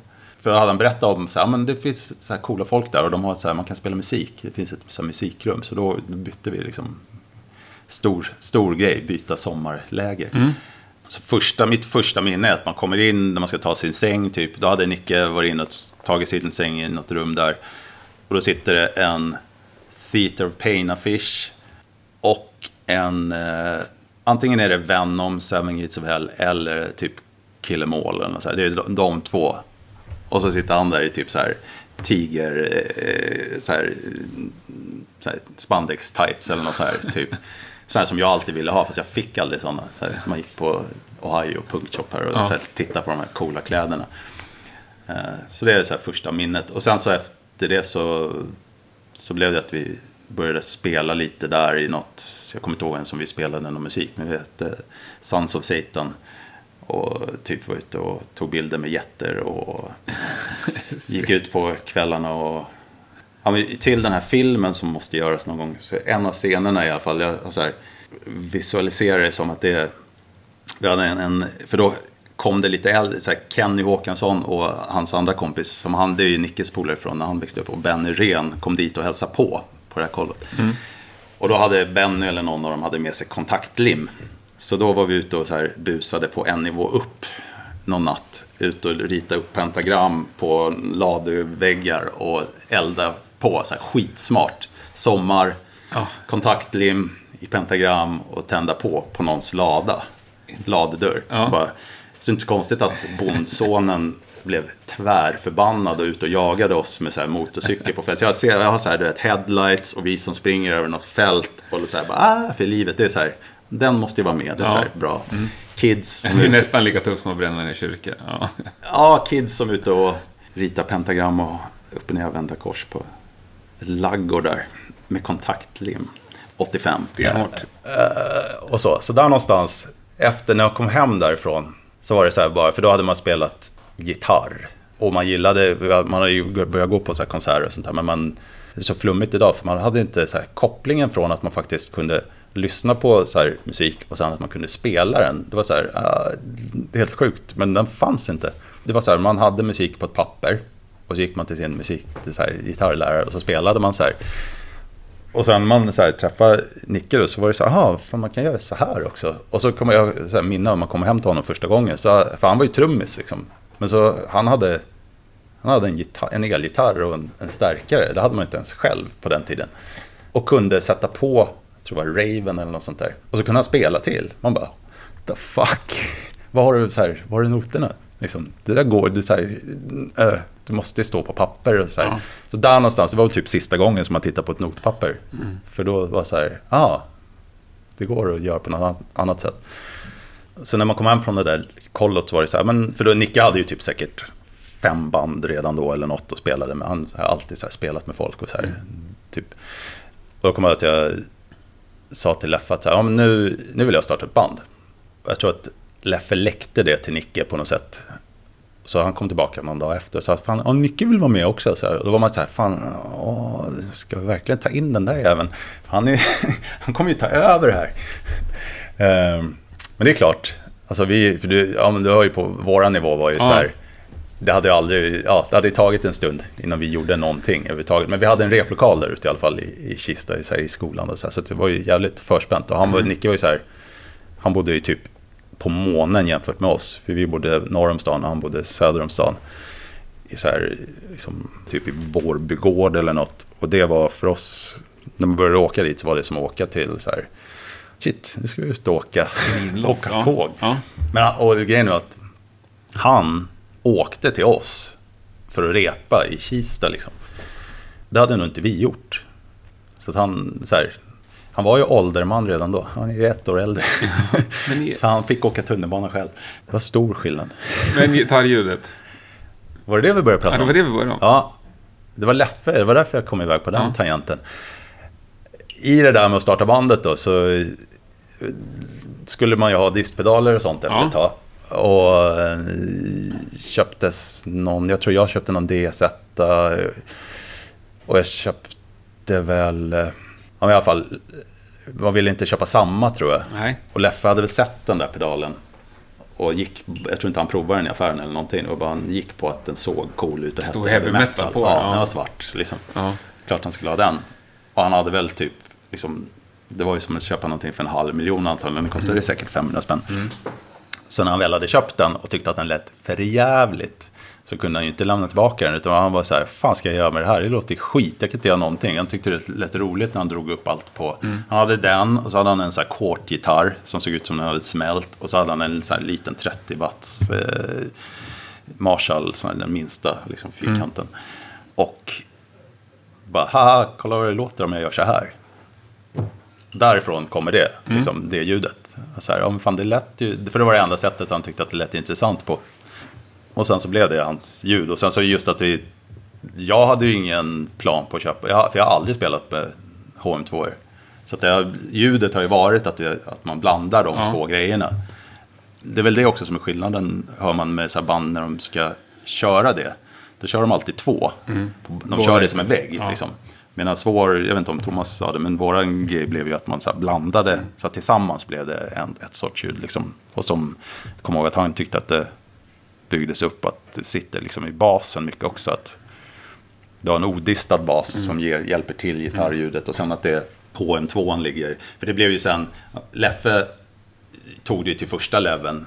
Men sen flyttade han tillbaka till Kanada 88, 89.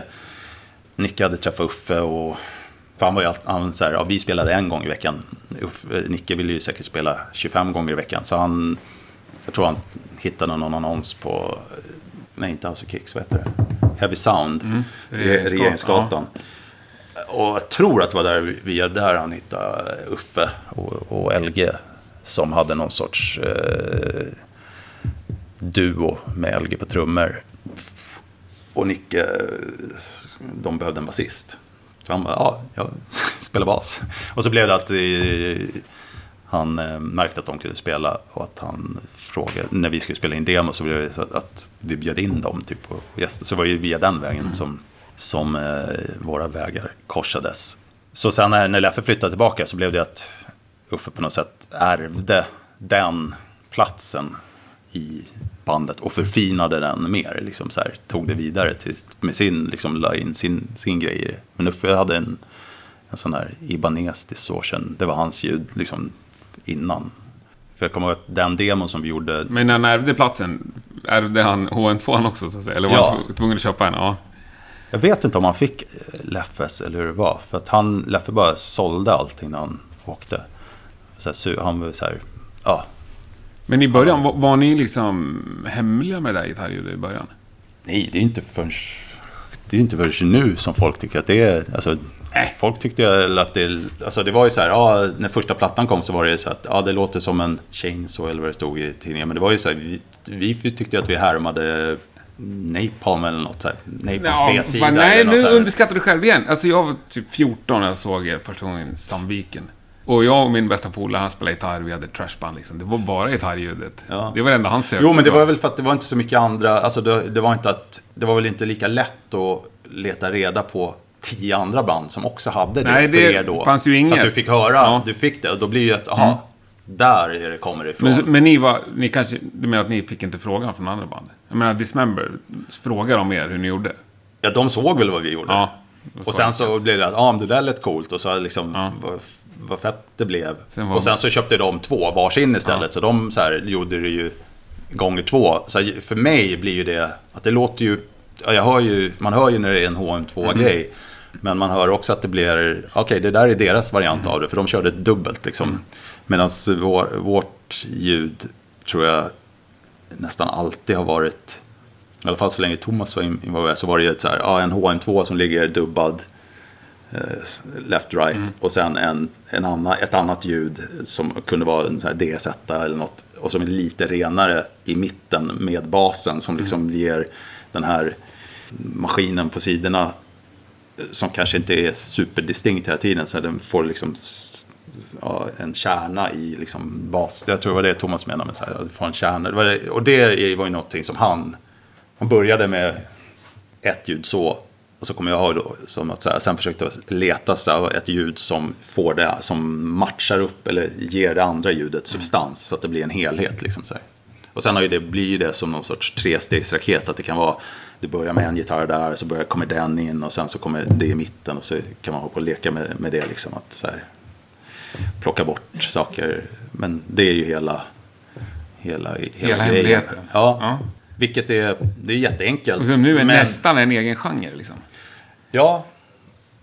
Fast jag, då, och då finns det ju så här att det kanske nästan låter mer, oftast när jag hör det och folk säger att det låter som en tom, då kanske jag tycker att det låter mer som Dismember. Ja. Men det kanske är mer en, en så här, ja, du ska inte, sånt ska man kanske inte diskutera med folk. Lite börjar inne man- på hårklyveri, men Precis. jag vet... Men för alltså, jag var blir- på close-up-kryssning förra veckan. Ja. Då spelade jag både Leak, Ja. vilka det är?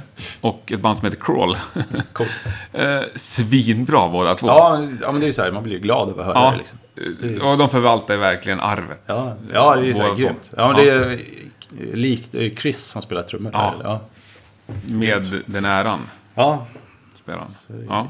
Och det är ju ascoolt. Och de gör ju, det är väl det som är grejen, när du gör det i nästa nivå, det låter, näst, det låter så lätt tycker jag nästan. Så här, för jag kommer ihåg det som att det är så här, det är hela tiden, en ton känns hela tiden som det är så här, det är en maskin som hela tiden det går på, så här, på gränsen och så här, håller alltid på att gå sönder. Så här, och att det är den så här, nervgrejen, energin som blir att det är så här, fan det här, håller det, håller det till, till nä- ja, det är som att gå på lina, Ja. typ, Ja. hela tiden. Ja.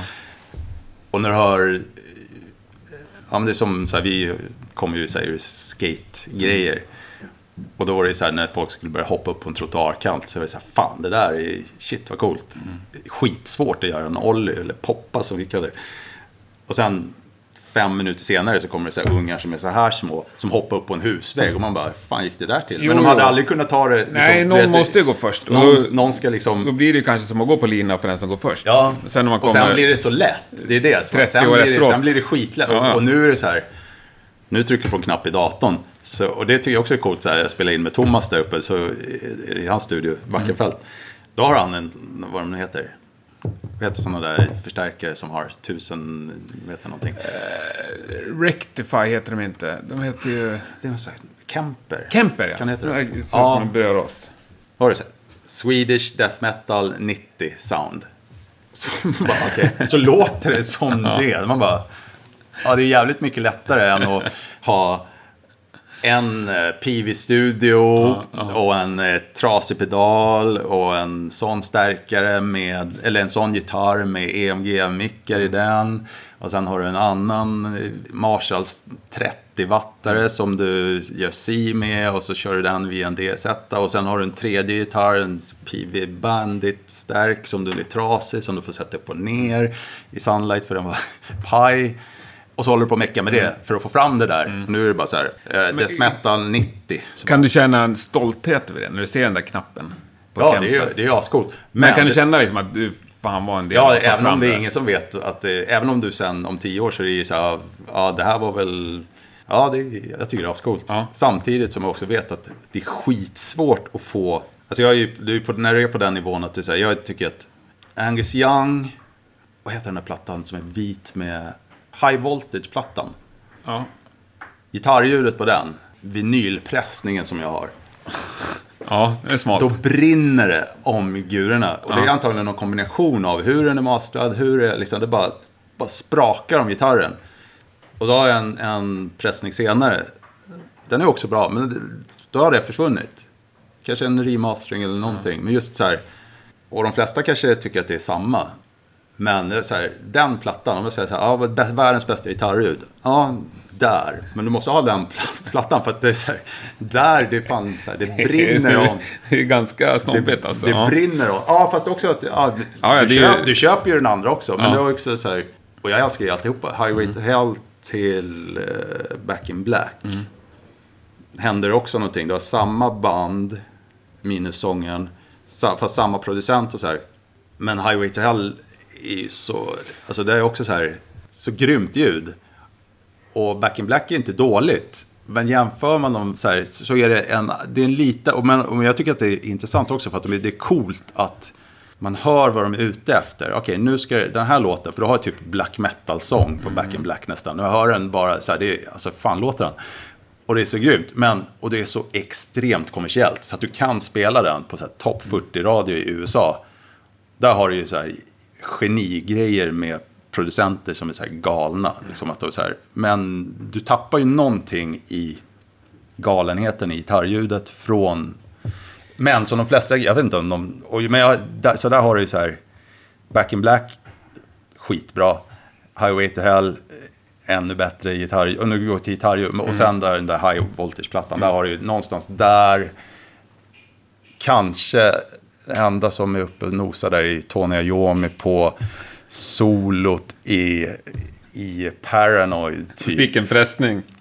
Ja, där är, där är jag inte så, för jag, man är ju inte typ född, så man har ju inte alla. Nej. Men jag är säker på att det finns nog. Men där är det är också så här, du är inne på nivåer där du liksom inte, du måste sätta dem sida vid sida för att ens höra skillnad. Men det är ändå så här, det är ju bäst, bäst, bäst. Men sen så om du får välja då så finns det ju någon som låter lite bättre och pressningen är säkert. Men jag gillar ju så här trasiga gitarrljud, typ ofta. Det finns ju första Lenny Kravitz-plattan är det ett gitarrsolo på någon låt som jag inte vet vad det är. Någon så här låt som de aldrig spelar på radio. Men så här skittrasigt ljud. Låt som man spelar genom en brödrost. Den Let Love Rule-plattan. Ja, Eller Ja. första. ja. Ja.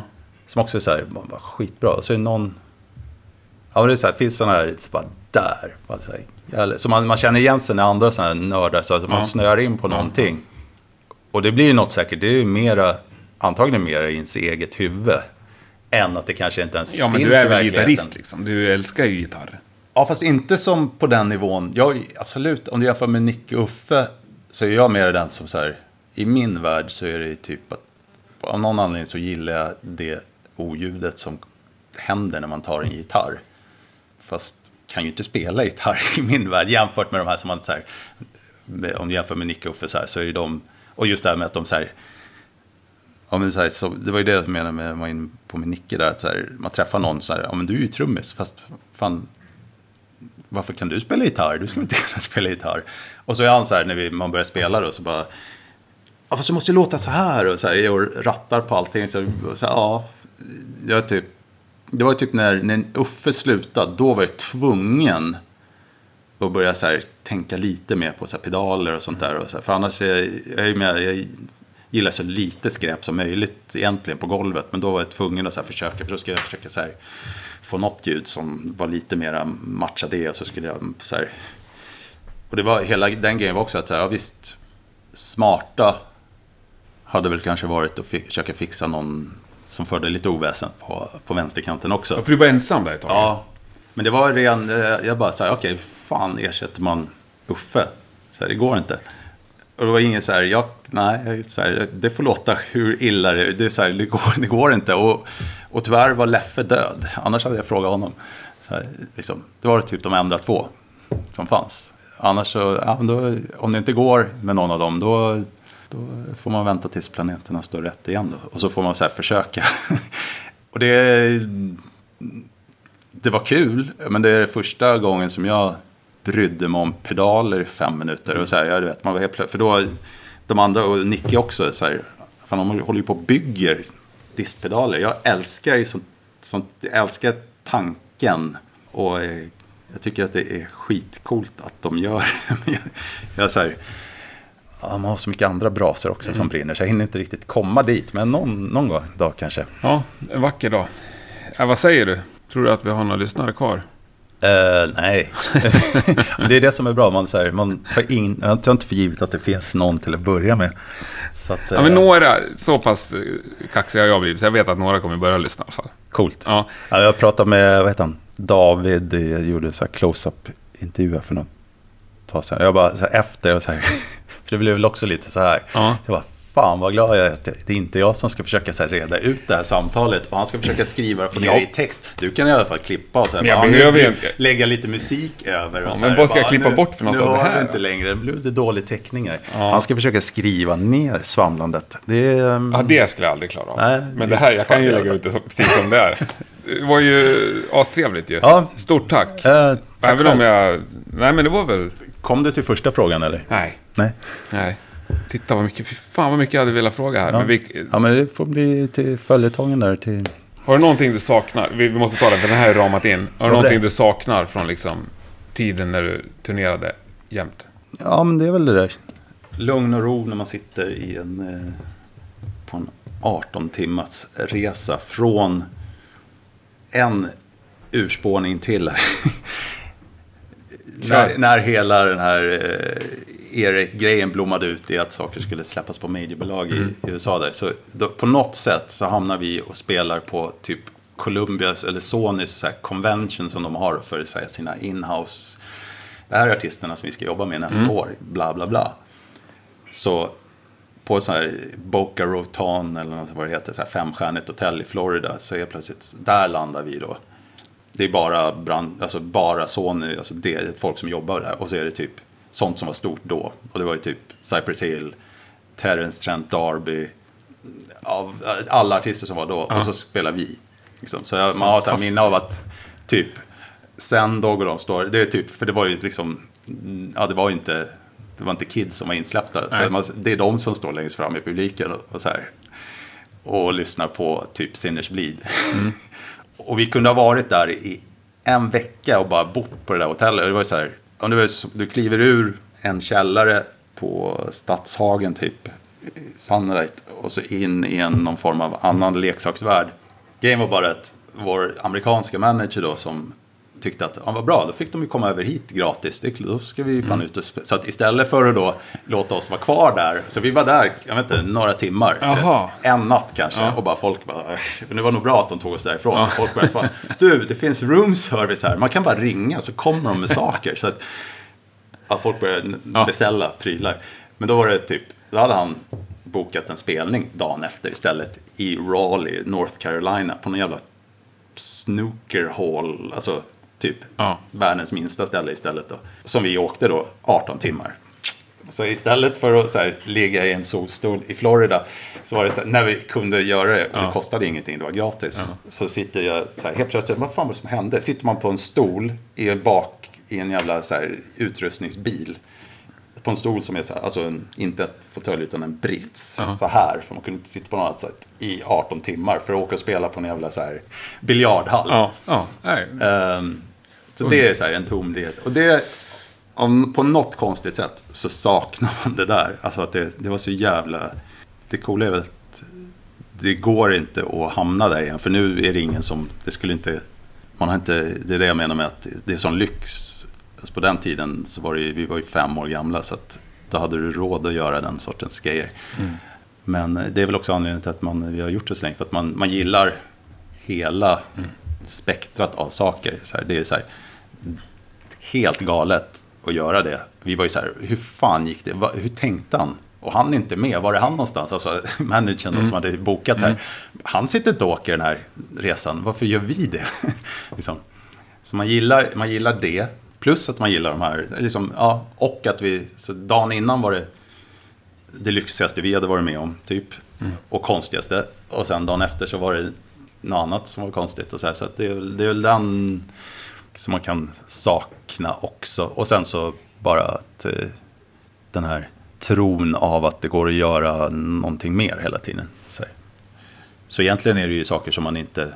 Man, det är så här små charmiga grejer som man gillar, men det är ju inte så här oövervinnliga saker. Liksom, eftersom vi aldrig... Vi var aldrig på någon sorts arenanivå. Alltså, vi har inget problem med att vi, så här, "Åh, vi måste, så här, måste sälja ut. För att, det ska, för att vi ska få göra det här på någon nivå så måste vi sälja ut det och det. Så här, heller, utan, eh, vilket är ganska cool också. Men så märker man att folks förväntningar är ju på den vilket också är intressant. Så här, folks förväntningar är ju på arenanivå vad det gäller att så här, ja men som du var inne på att ja, men om, ni, om LG är med då måste ni ju få sex nollor till. Så bara, "Ah, nej. Eh, Men en nolla, alltså det här, jag ska forska i. Jag ska Ja. snacka om lite bokare. ja, precis. Det finns ju ett värde i det där. Men det kan man nog skylla på House of Kicks-folket, eller Sample, det som blev Sampalooza sen. För de var så här också, de jobbade ju med oss, för eftersom de jobbade med Erik tidigt. Och vi mm, typ var ju från det att man gjorde andra skivan och så började ut och spela, då var det ju så här, då var man ju ute, då är du ute i en bubbla och så kommer du hem ibland. Och så har helt plötsligt trodde, bara för att du har åkt och spelat i ett annat land så kommer du hem så det är väl så här klassiska så tror folk att det har hänt massor med saker. Speciellt på någons bankkonto, men det har det ju inte. Och jag tror att eh, Kalle och gänget var nog ganska bra på att bara så här undertrycka det också. Att så här, står det 40 eller står det 400 eller står det 4000? Jag tror att det är 400 000 står det att de har sålt. Ja, 400 000 har de sålt. och det trodde ju, och vi, det var ingen som sa nej till det. Liksom, så det hade ju inte sålt sådana 400 000 plattor. Nu tog jag bara en siffra i luften. De kanske inte sa att det var just det. Men, men man, det var den feelingen man fick. Och sen så var det bara så här, jaha.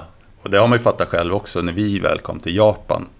För då kom vi dit så här 98. Och typ samma folk som jobbade med till exempel Yngve och sådana. Ja, och då var ju vi tvungna, fan, liksom när folk åker hit och spelar, de, är det så här miljarder med folk som lyssnar? Så bara, nej, det är det ju inte. Så här, det är inget europeiskt är ju så stort som japanska saker här. Liksom, så här.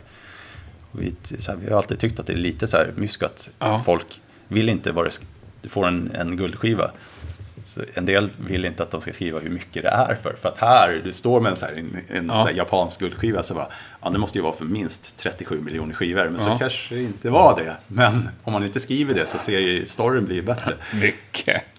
Och det är ju så det funkar, det är Ja. skitbra.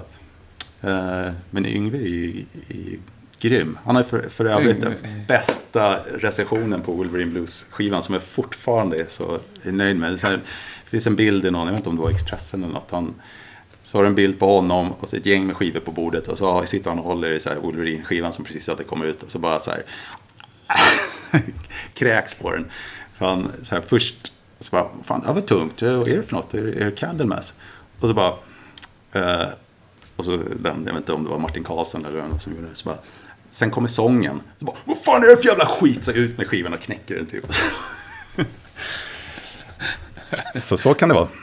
Yngve är grym. Ja, och det Ja. är ju samma med, med Wackenfeldt. Han var också så, han tyckte också att det blev, fast av andra, han ville väl ha mera death, dödsmetall. Och när det blev Wolverine och Zoraide skivan så tyckte han att det blev bluesrock och sen syntpop. Så han åkte också, också här, åkte till sin skivaffär, kom hem med skivan. Så han har, jag tror han har, har den kvar.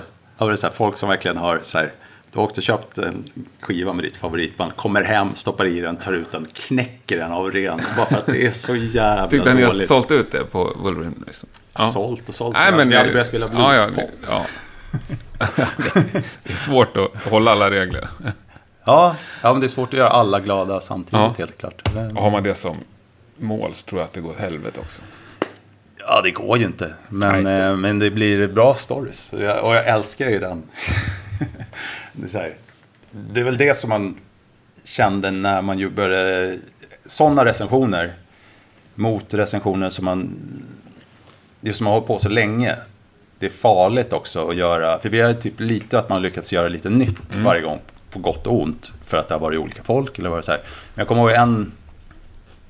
Jag tror det var 2003 eller något, det måste vara Inferno-skivan, eller någon skiva så senare. Så var det så här, ja, det är en ny en tonplatta.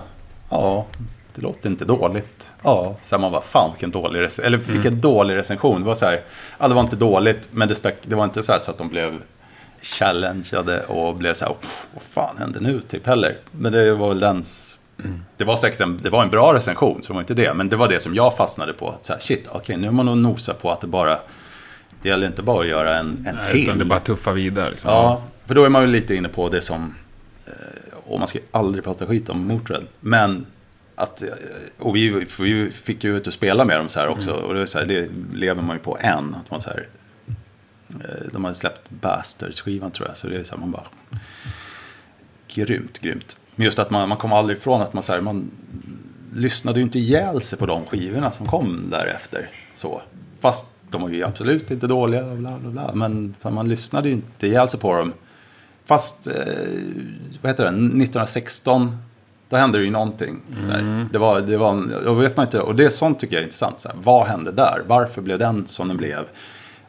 Det kom säkert in någon ny spelare i bilden, alltså någon ny, nytt management eller någonting. Någon som sa, nu ska vi göra, du vet. Och så blir det så här, något speciellt. Så här. Och det, de stunderna är svåra att skapa, men de kommer. Men man märker ju på band, de kan göra tre skivor, sen kan det gå 27 år av harvande och sen kanske det kommer en till sån, liksom Perfect Stranger eller någon sån Ja, där. ja, men det är ju coolt när det händer. Liksom. Och det är, där, och men det är det som gäller. Så är det så här, ja, du hade levt 20 år fram tills du gjorde den där stringen med skivor. Det är inte f- ta för givet att det går att hålla den glassmaskinen Nej. igång som det är. Utan det, ja, sen kanske det behövs 10 års erfarenhet för att göra en, en till sån. Men vi som lyssnare vill ha det nu, tack. Det ska vara så här McDonalds-tempo. Eller, s- och under tiden så blir du ju glad med att få Big Mac och Company. Det är som, jag såg någon annan sån där, typ ZZ Top-recension. Den har släppt, kan det ha varit Antenna Head eller har de någon som heter det? En, någon, någon sån där platta. Han bara så ja, bara, det är ZZ Top. Och det är så här, men sen när blev ett sexpack dåligt liksom? Ja, Ja, nej, det var- men, så här. bra liknelse. Det var så här. Och han är ju också så här som har, det är ju också så här, du blir glad bara av att höra gitarrljudet. Så det är så här, ja, det är grymt. Ja, det är det. Så att, och det är det jag menar med att, jag vet inte vad jag ville komma med här, men jag beundrar de banden som, vi, som jag växte upp med. Så här, även om jag inte lyssnar på den nya Ma- Maiden-plattan varje dag, så är jag otroligt glad att den finns. För den nya kidden som upptäckte dem igår, så är det den bästa plattan i världen. Det måste man säga vara ödmjuk med att, ja men så är det. Så det är därför så här, ja, om du säger att det är så, så är det så. Så jag har gått från att vara vad man har haft för så här, religioner och tro. Säger så här, nu tror jag på allt. nu tror jag, jag tror att du tror vad du tror på. Och, så här, och det är, är helt okej med det. Och det, är, det blir ganska mycket, så här, det är klart att det är den bästa skivan. Där gillar man ju hårdrocksbrorsorna där som, så här, vilken är den bästa Maiden-låten? Den längsta såklart. för att då får du mest Maiden för, så här, ja, det är klart det är så. Det är självklart. Det är... Du ska inte öppna den dörren med sköna citat. Ja. de från dem. Nej. Ja, men det är ju så här... Fan, det är... Ja, nej, det, det, det är ju rätt. Det var ju rätt. Ja. Jag, jag, jag tycker det är så härligt att band fortsätter släppa något. För annars så blir det ju till slut ett coverband på sig själva. Liksom. Ja, så att det är ju det. det är, och det är det som är så coolt. Jag, Jag vill ju att Maiden ska släppa en ny platta. Fast Ja. när jag går och kollar på dem så vill jag ju... Då får de gärna skita och spela de låtarna. Ja. Det, det bryr mig inte. Tyvärr. Ja. Men sen kanske om tio år så kanske de gör något som så här shit, vad fan hände? Men de var tvungna att göra de där andra Mm. Kolla tio Judas Priest för fan. Ja. Nya plattan, eller det var ett år sedan den kom nu. ja, den, vilken var det? Den... Vad heter plattan Firepower eller är det första Ja. singeln eller? Men är det, Man lika, är det lika bra som eh, Living After Midnight? Bättre. För Living After, Den är Living nästan lika bra som Screaming for Vengeance. Living After Midnight är ju... Du har ju världens bästa låt. Där har du den då. Och sen har du allt annat då. För det var den låten som jag började så här... När man gick på och tittade på så här spandexbrallor Ja. på Ohio. Så var det typ den, antagligen den låten som de spelade oftast. Så den, för mig är det så här...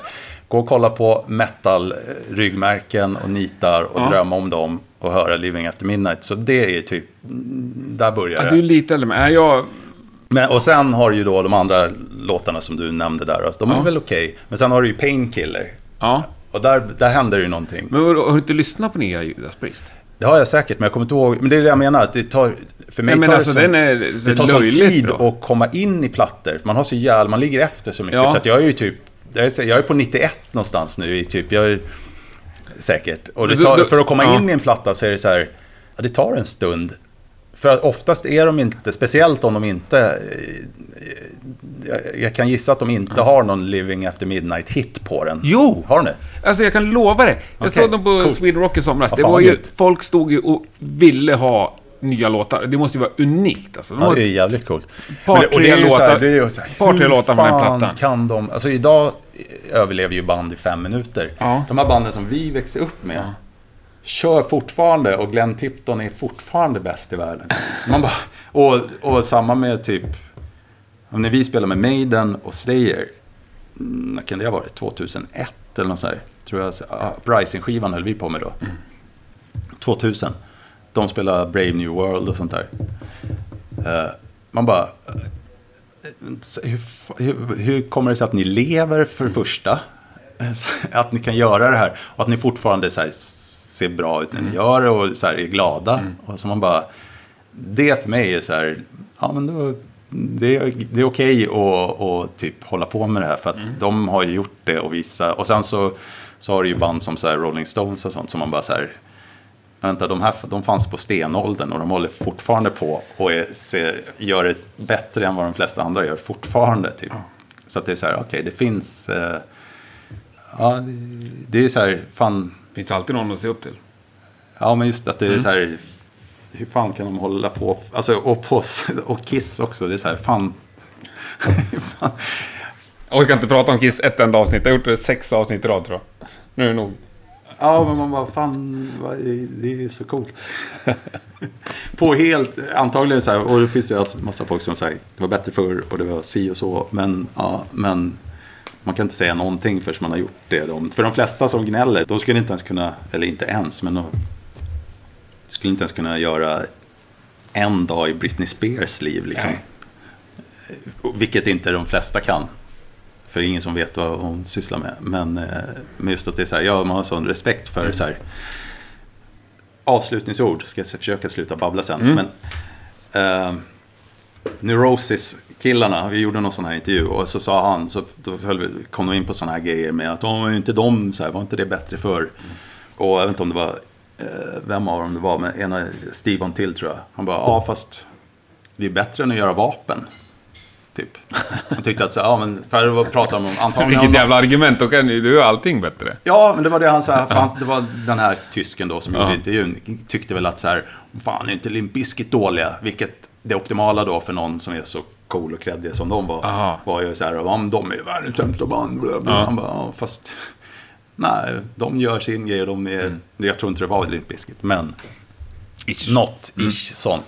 Och det var så här, ja fast det är bara, fan vad coolt. Ja, Det är bättre än att göra så här, så vad än folk sitter och gnäller om så de gör i alla fall någonting bättre än vad 99% av resten av världen gör. Tyckte han. Och var så här, så Bra coolt. tanke.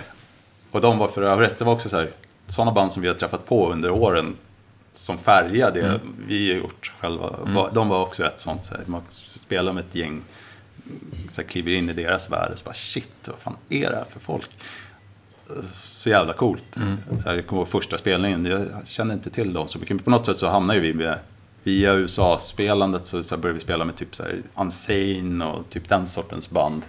Så Uffe, Uffe-band. Som man så här, fan det blev en, en till så här brutal värld. Men sen när man spelade med Neurosis, kom första spelningen i England.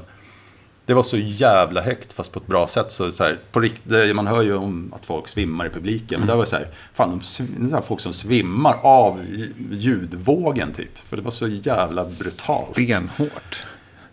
Helt så här, bara, shit vad är det här? Och, de, det var så här coolt, de var också så här, den själv, en sån här maskin liksom. De var ju, jag vet inte hur många de var, men den snubben som skötte deras media liksom hade projektorer med sig och så här Super 8-grejer och bara rulla. Han satte ju upp sitt lilla torn. Det var det första som hände. Så här, sätta upp sina, rikta saker och så här. Det var som en jävla cirkusshow liksom. Och sen så körde de. Det är nästan som dig här med kameror och datorer. Ja, men jag försöker. Men eh, man behöver ju mera, man behöver mer folk. Precis. Nej, men nu får vi sluta. Hur, hur många minuter ska programmet bli? Fem? Nej, men det bestämmer jag själv. Ja. Två och en halv timme har vi nu. Är det sant? Shit. Det Jag har är... inte kommit till första frågan än. Nej, och det, dit kommer vi aldrig. Och nu ska jag prata med en Nej, men vi- indier här nästa Vi, vi drar väl ner oss till två timmar. Jag försöker klippa ner till, till, till, två timmar. Om jag hittar något att ta bort. Men sjukt trevligt att träffa dig. Och önskar dig all lycka Många tack. med allt. Kan alltid behövas. Ja, fan. Så kollar vi in. Clandestine. Clandestine säger du. Jag sa Vi, vi, sa, Clandestine vi sa clandestine när vi var små. Sen var det väl någon som slog upp det i en bok och sa clan... Nej, jag vet inte. Man får säga som man vill. Ja, 17 maj alltså. Clandestin. Ja, 17 maj. Vi valde mellan Norges nationaldag och Bob Dylans födelsedag. Så att, eh, ja, det fick bli Norge till slut. Ja, och Bob Dylans födelsedag har jag, ingen, har jag inte på 24. 24 Det maj. enda anledningen för att jag fyllde dagen innan. Så för... Stort tack! Tack!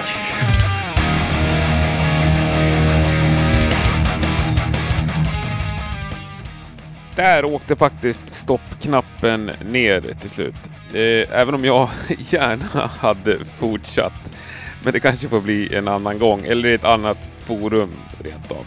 Stort tack för att du har lyssnat! Fortsätt gärna diskussioner kring Entombed och livets upp och nedgångar på Facebook eller Instagram.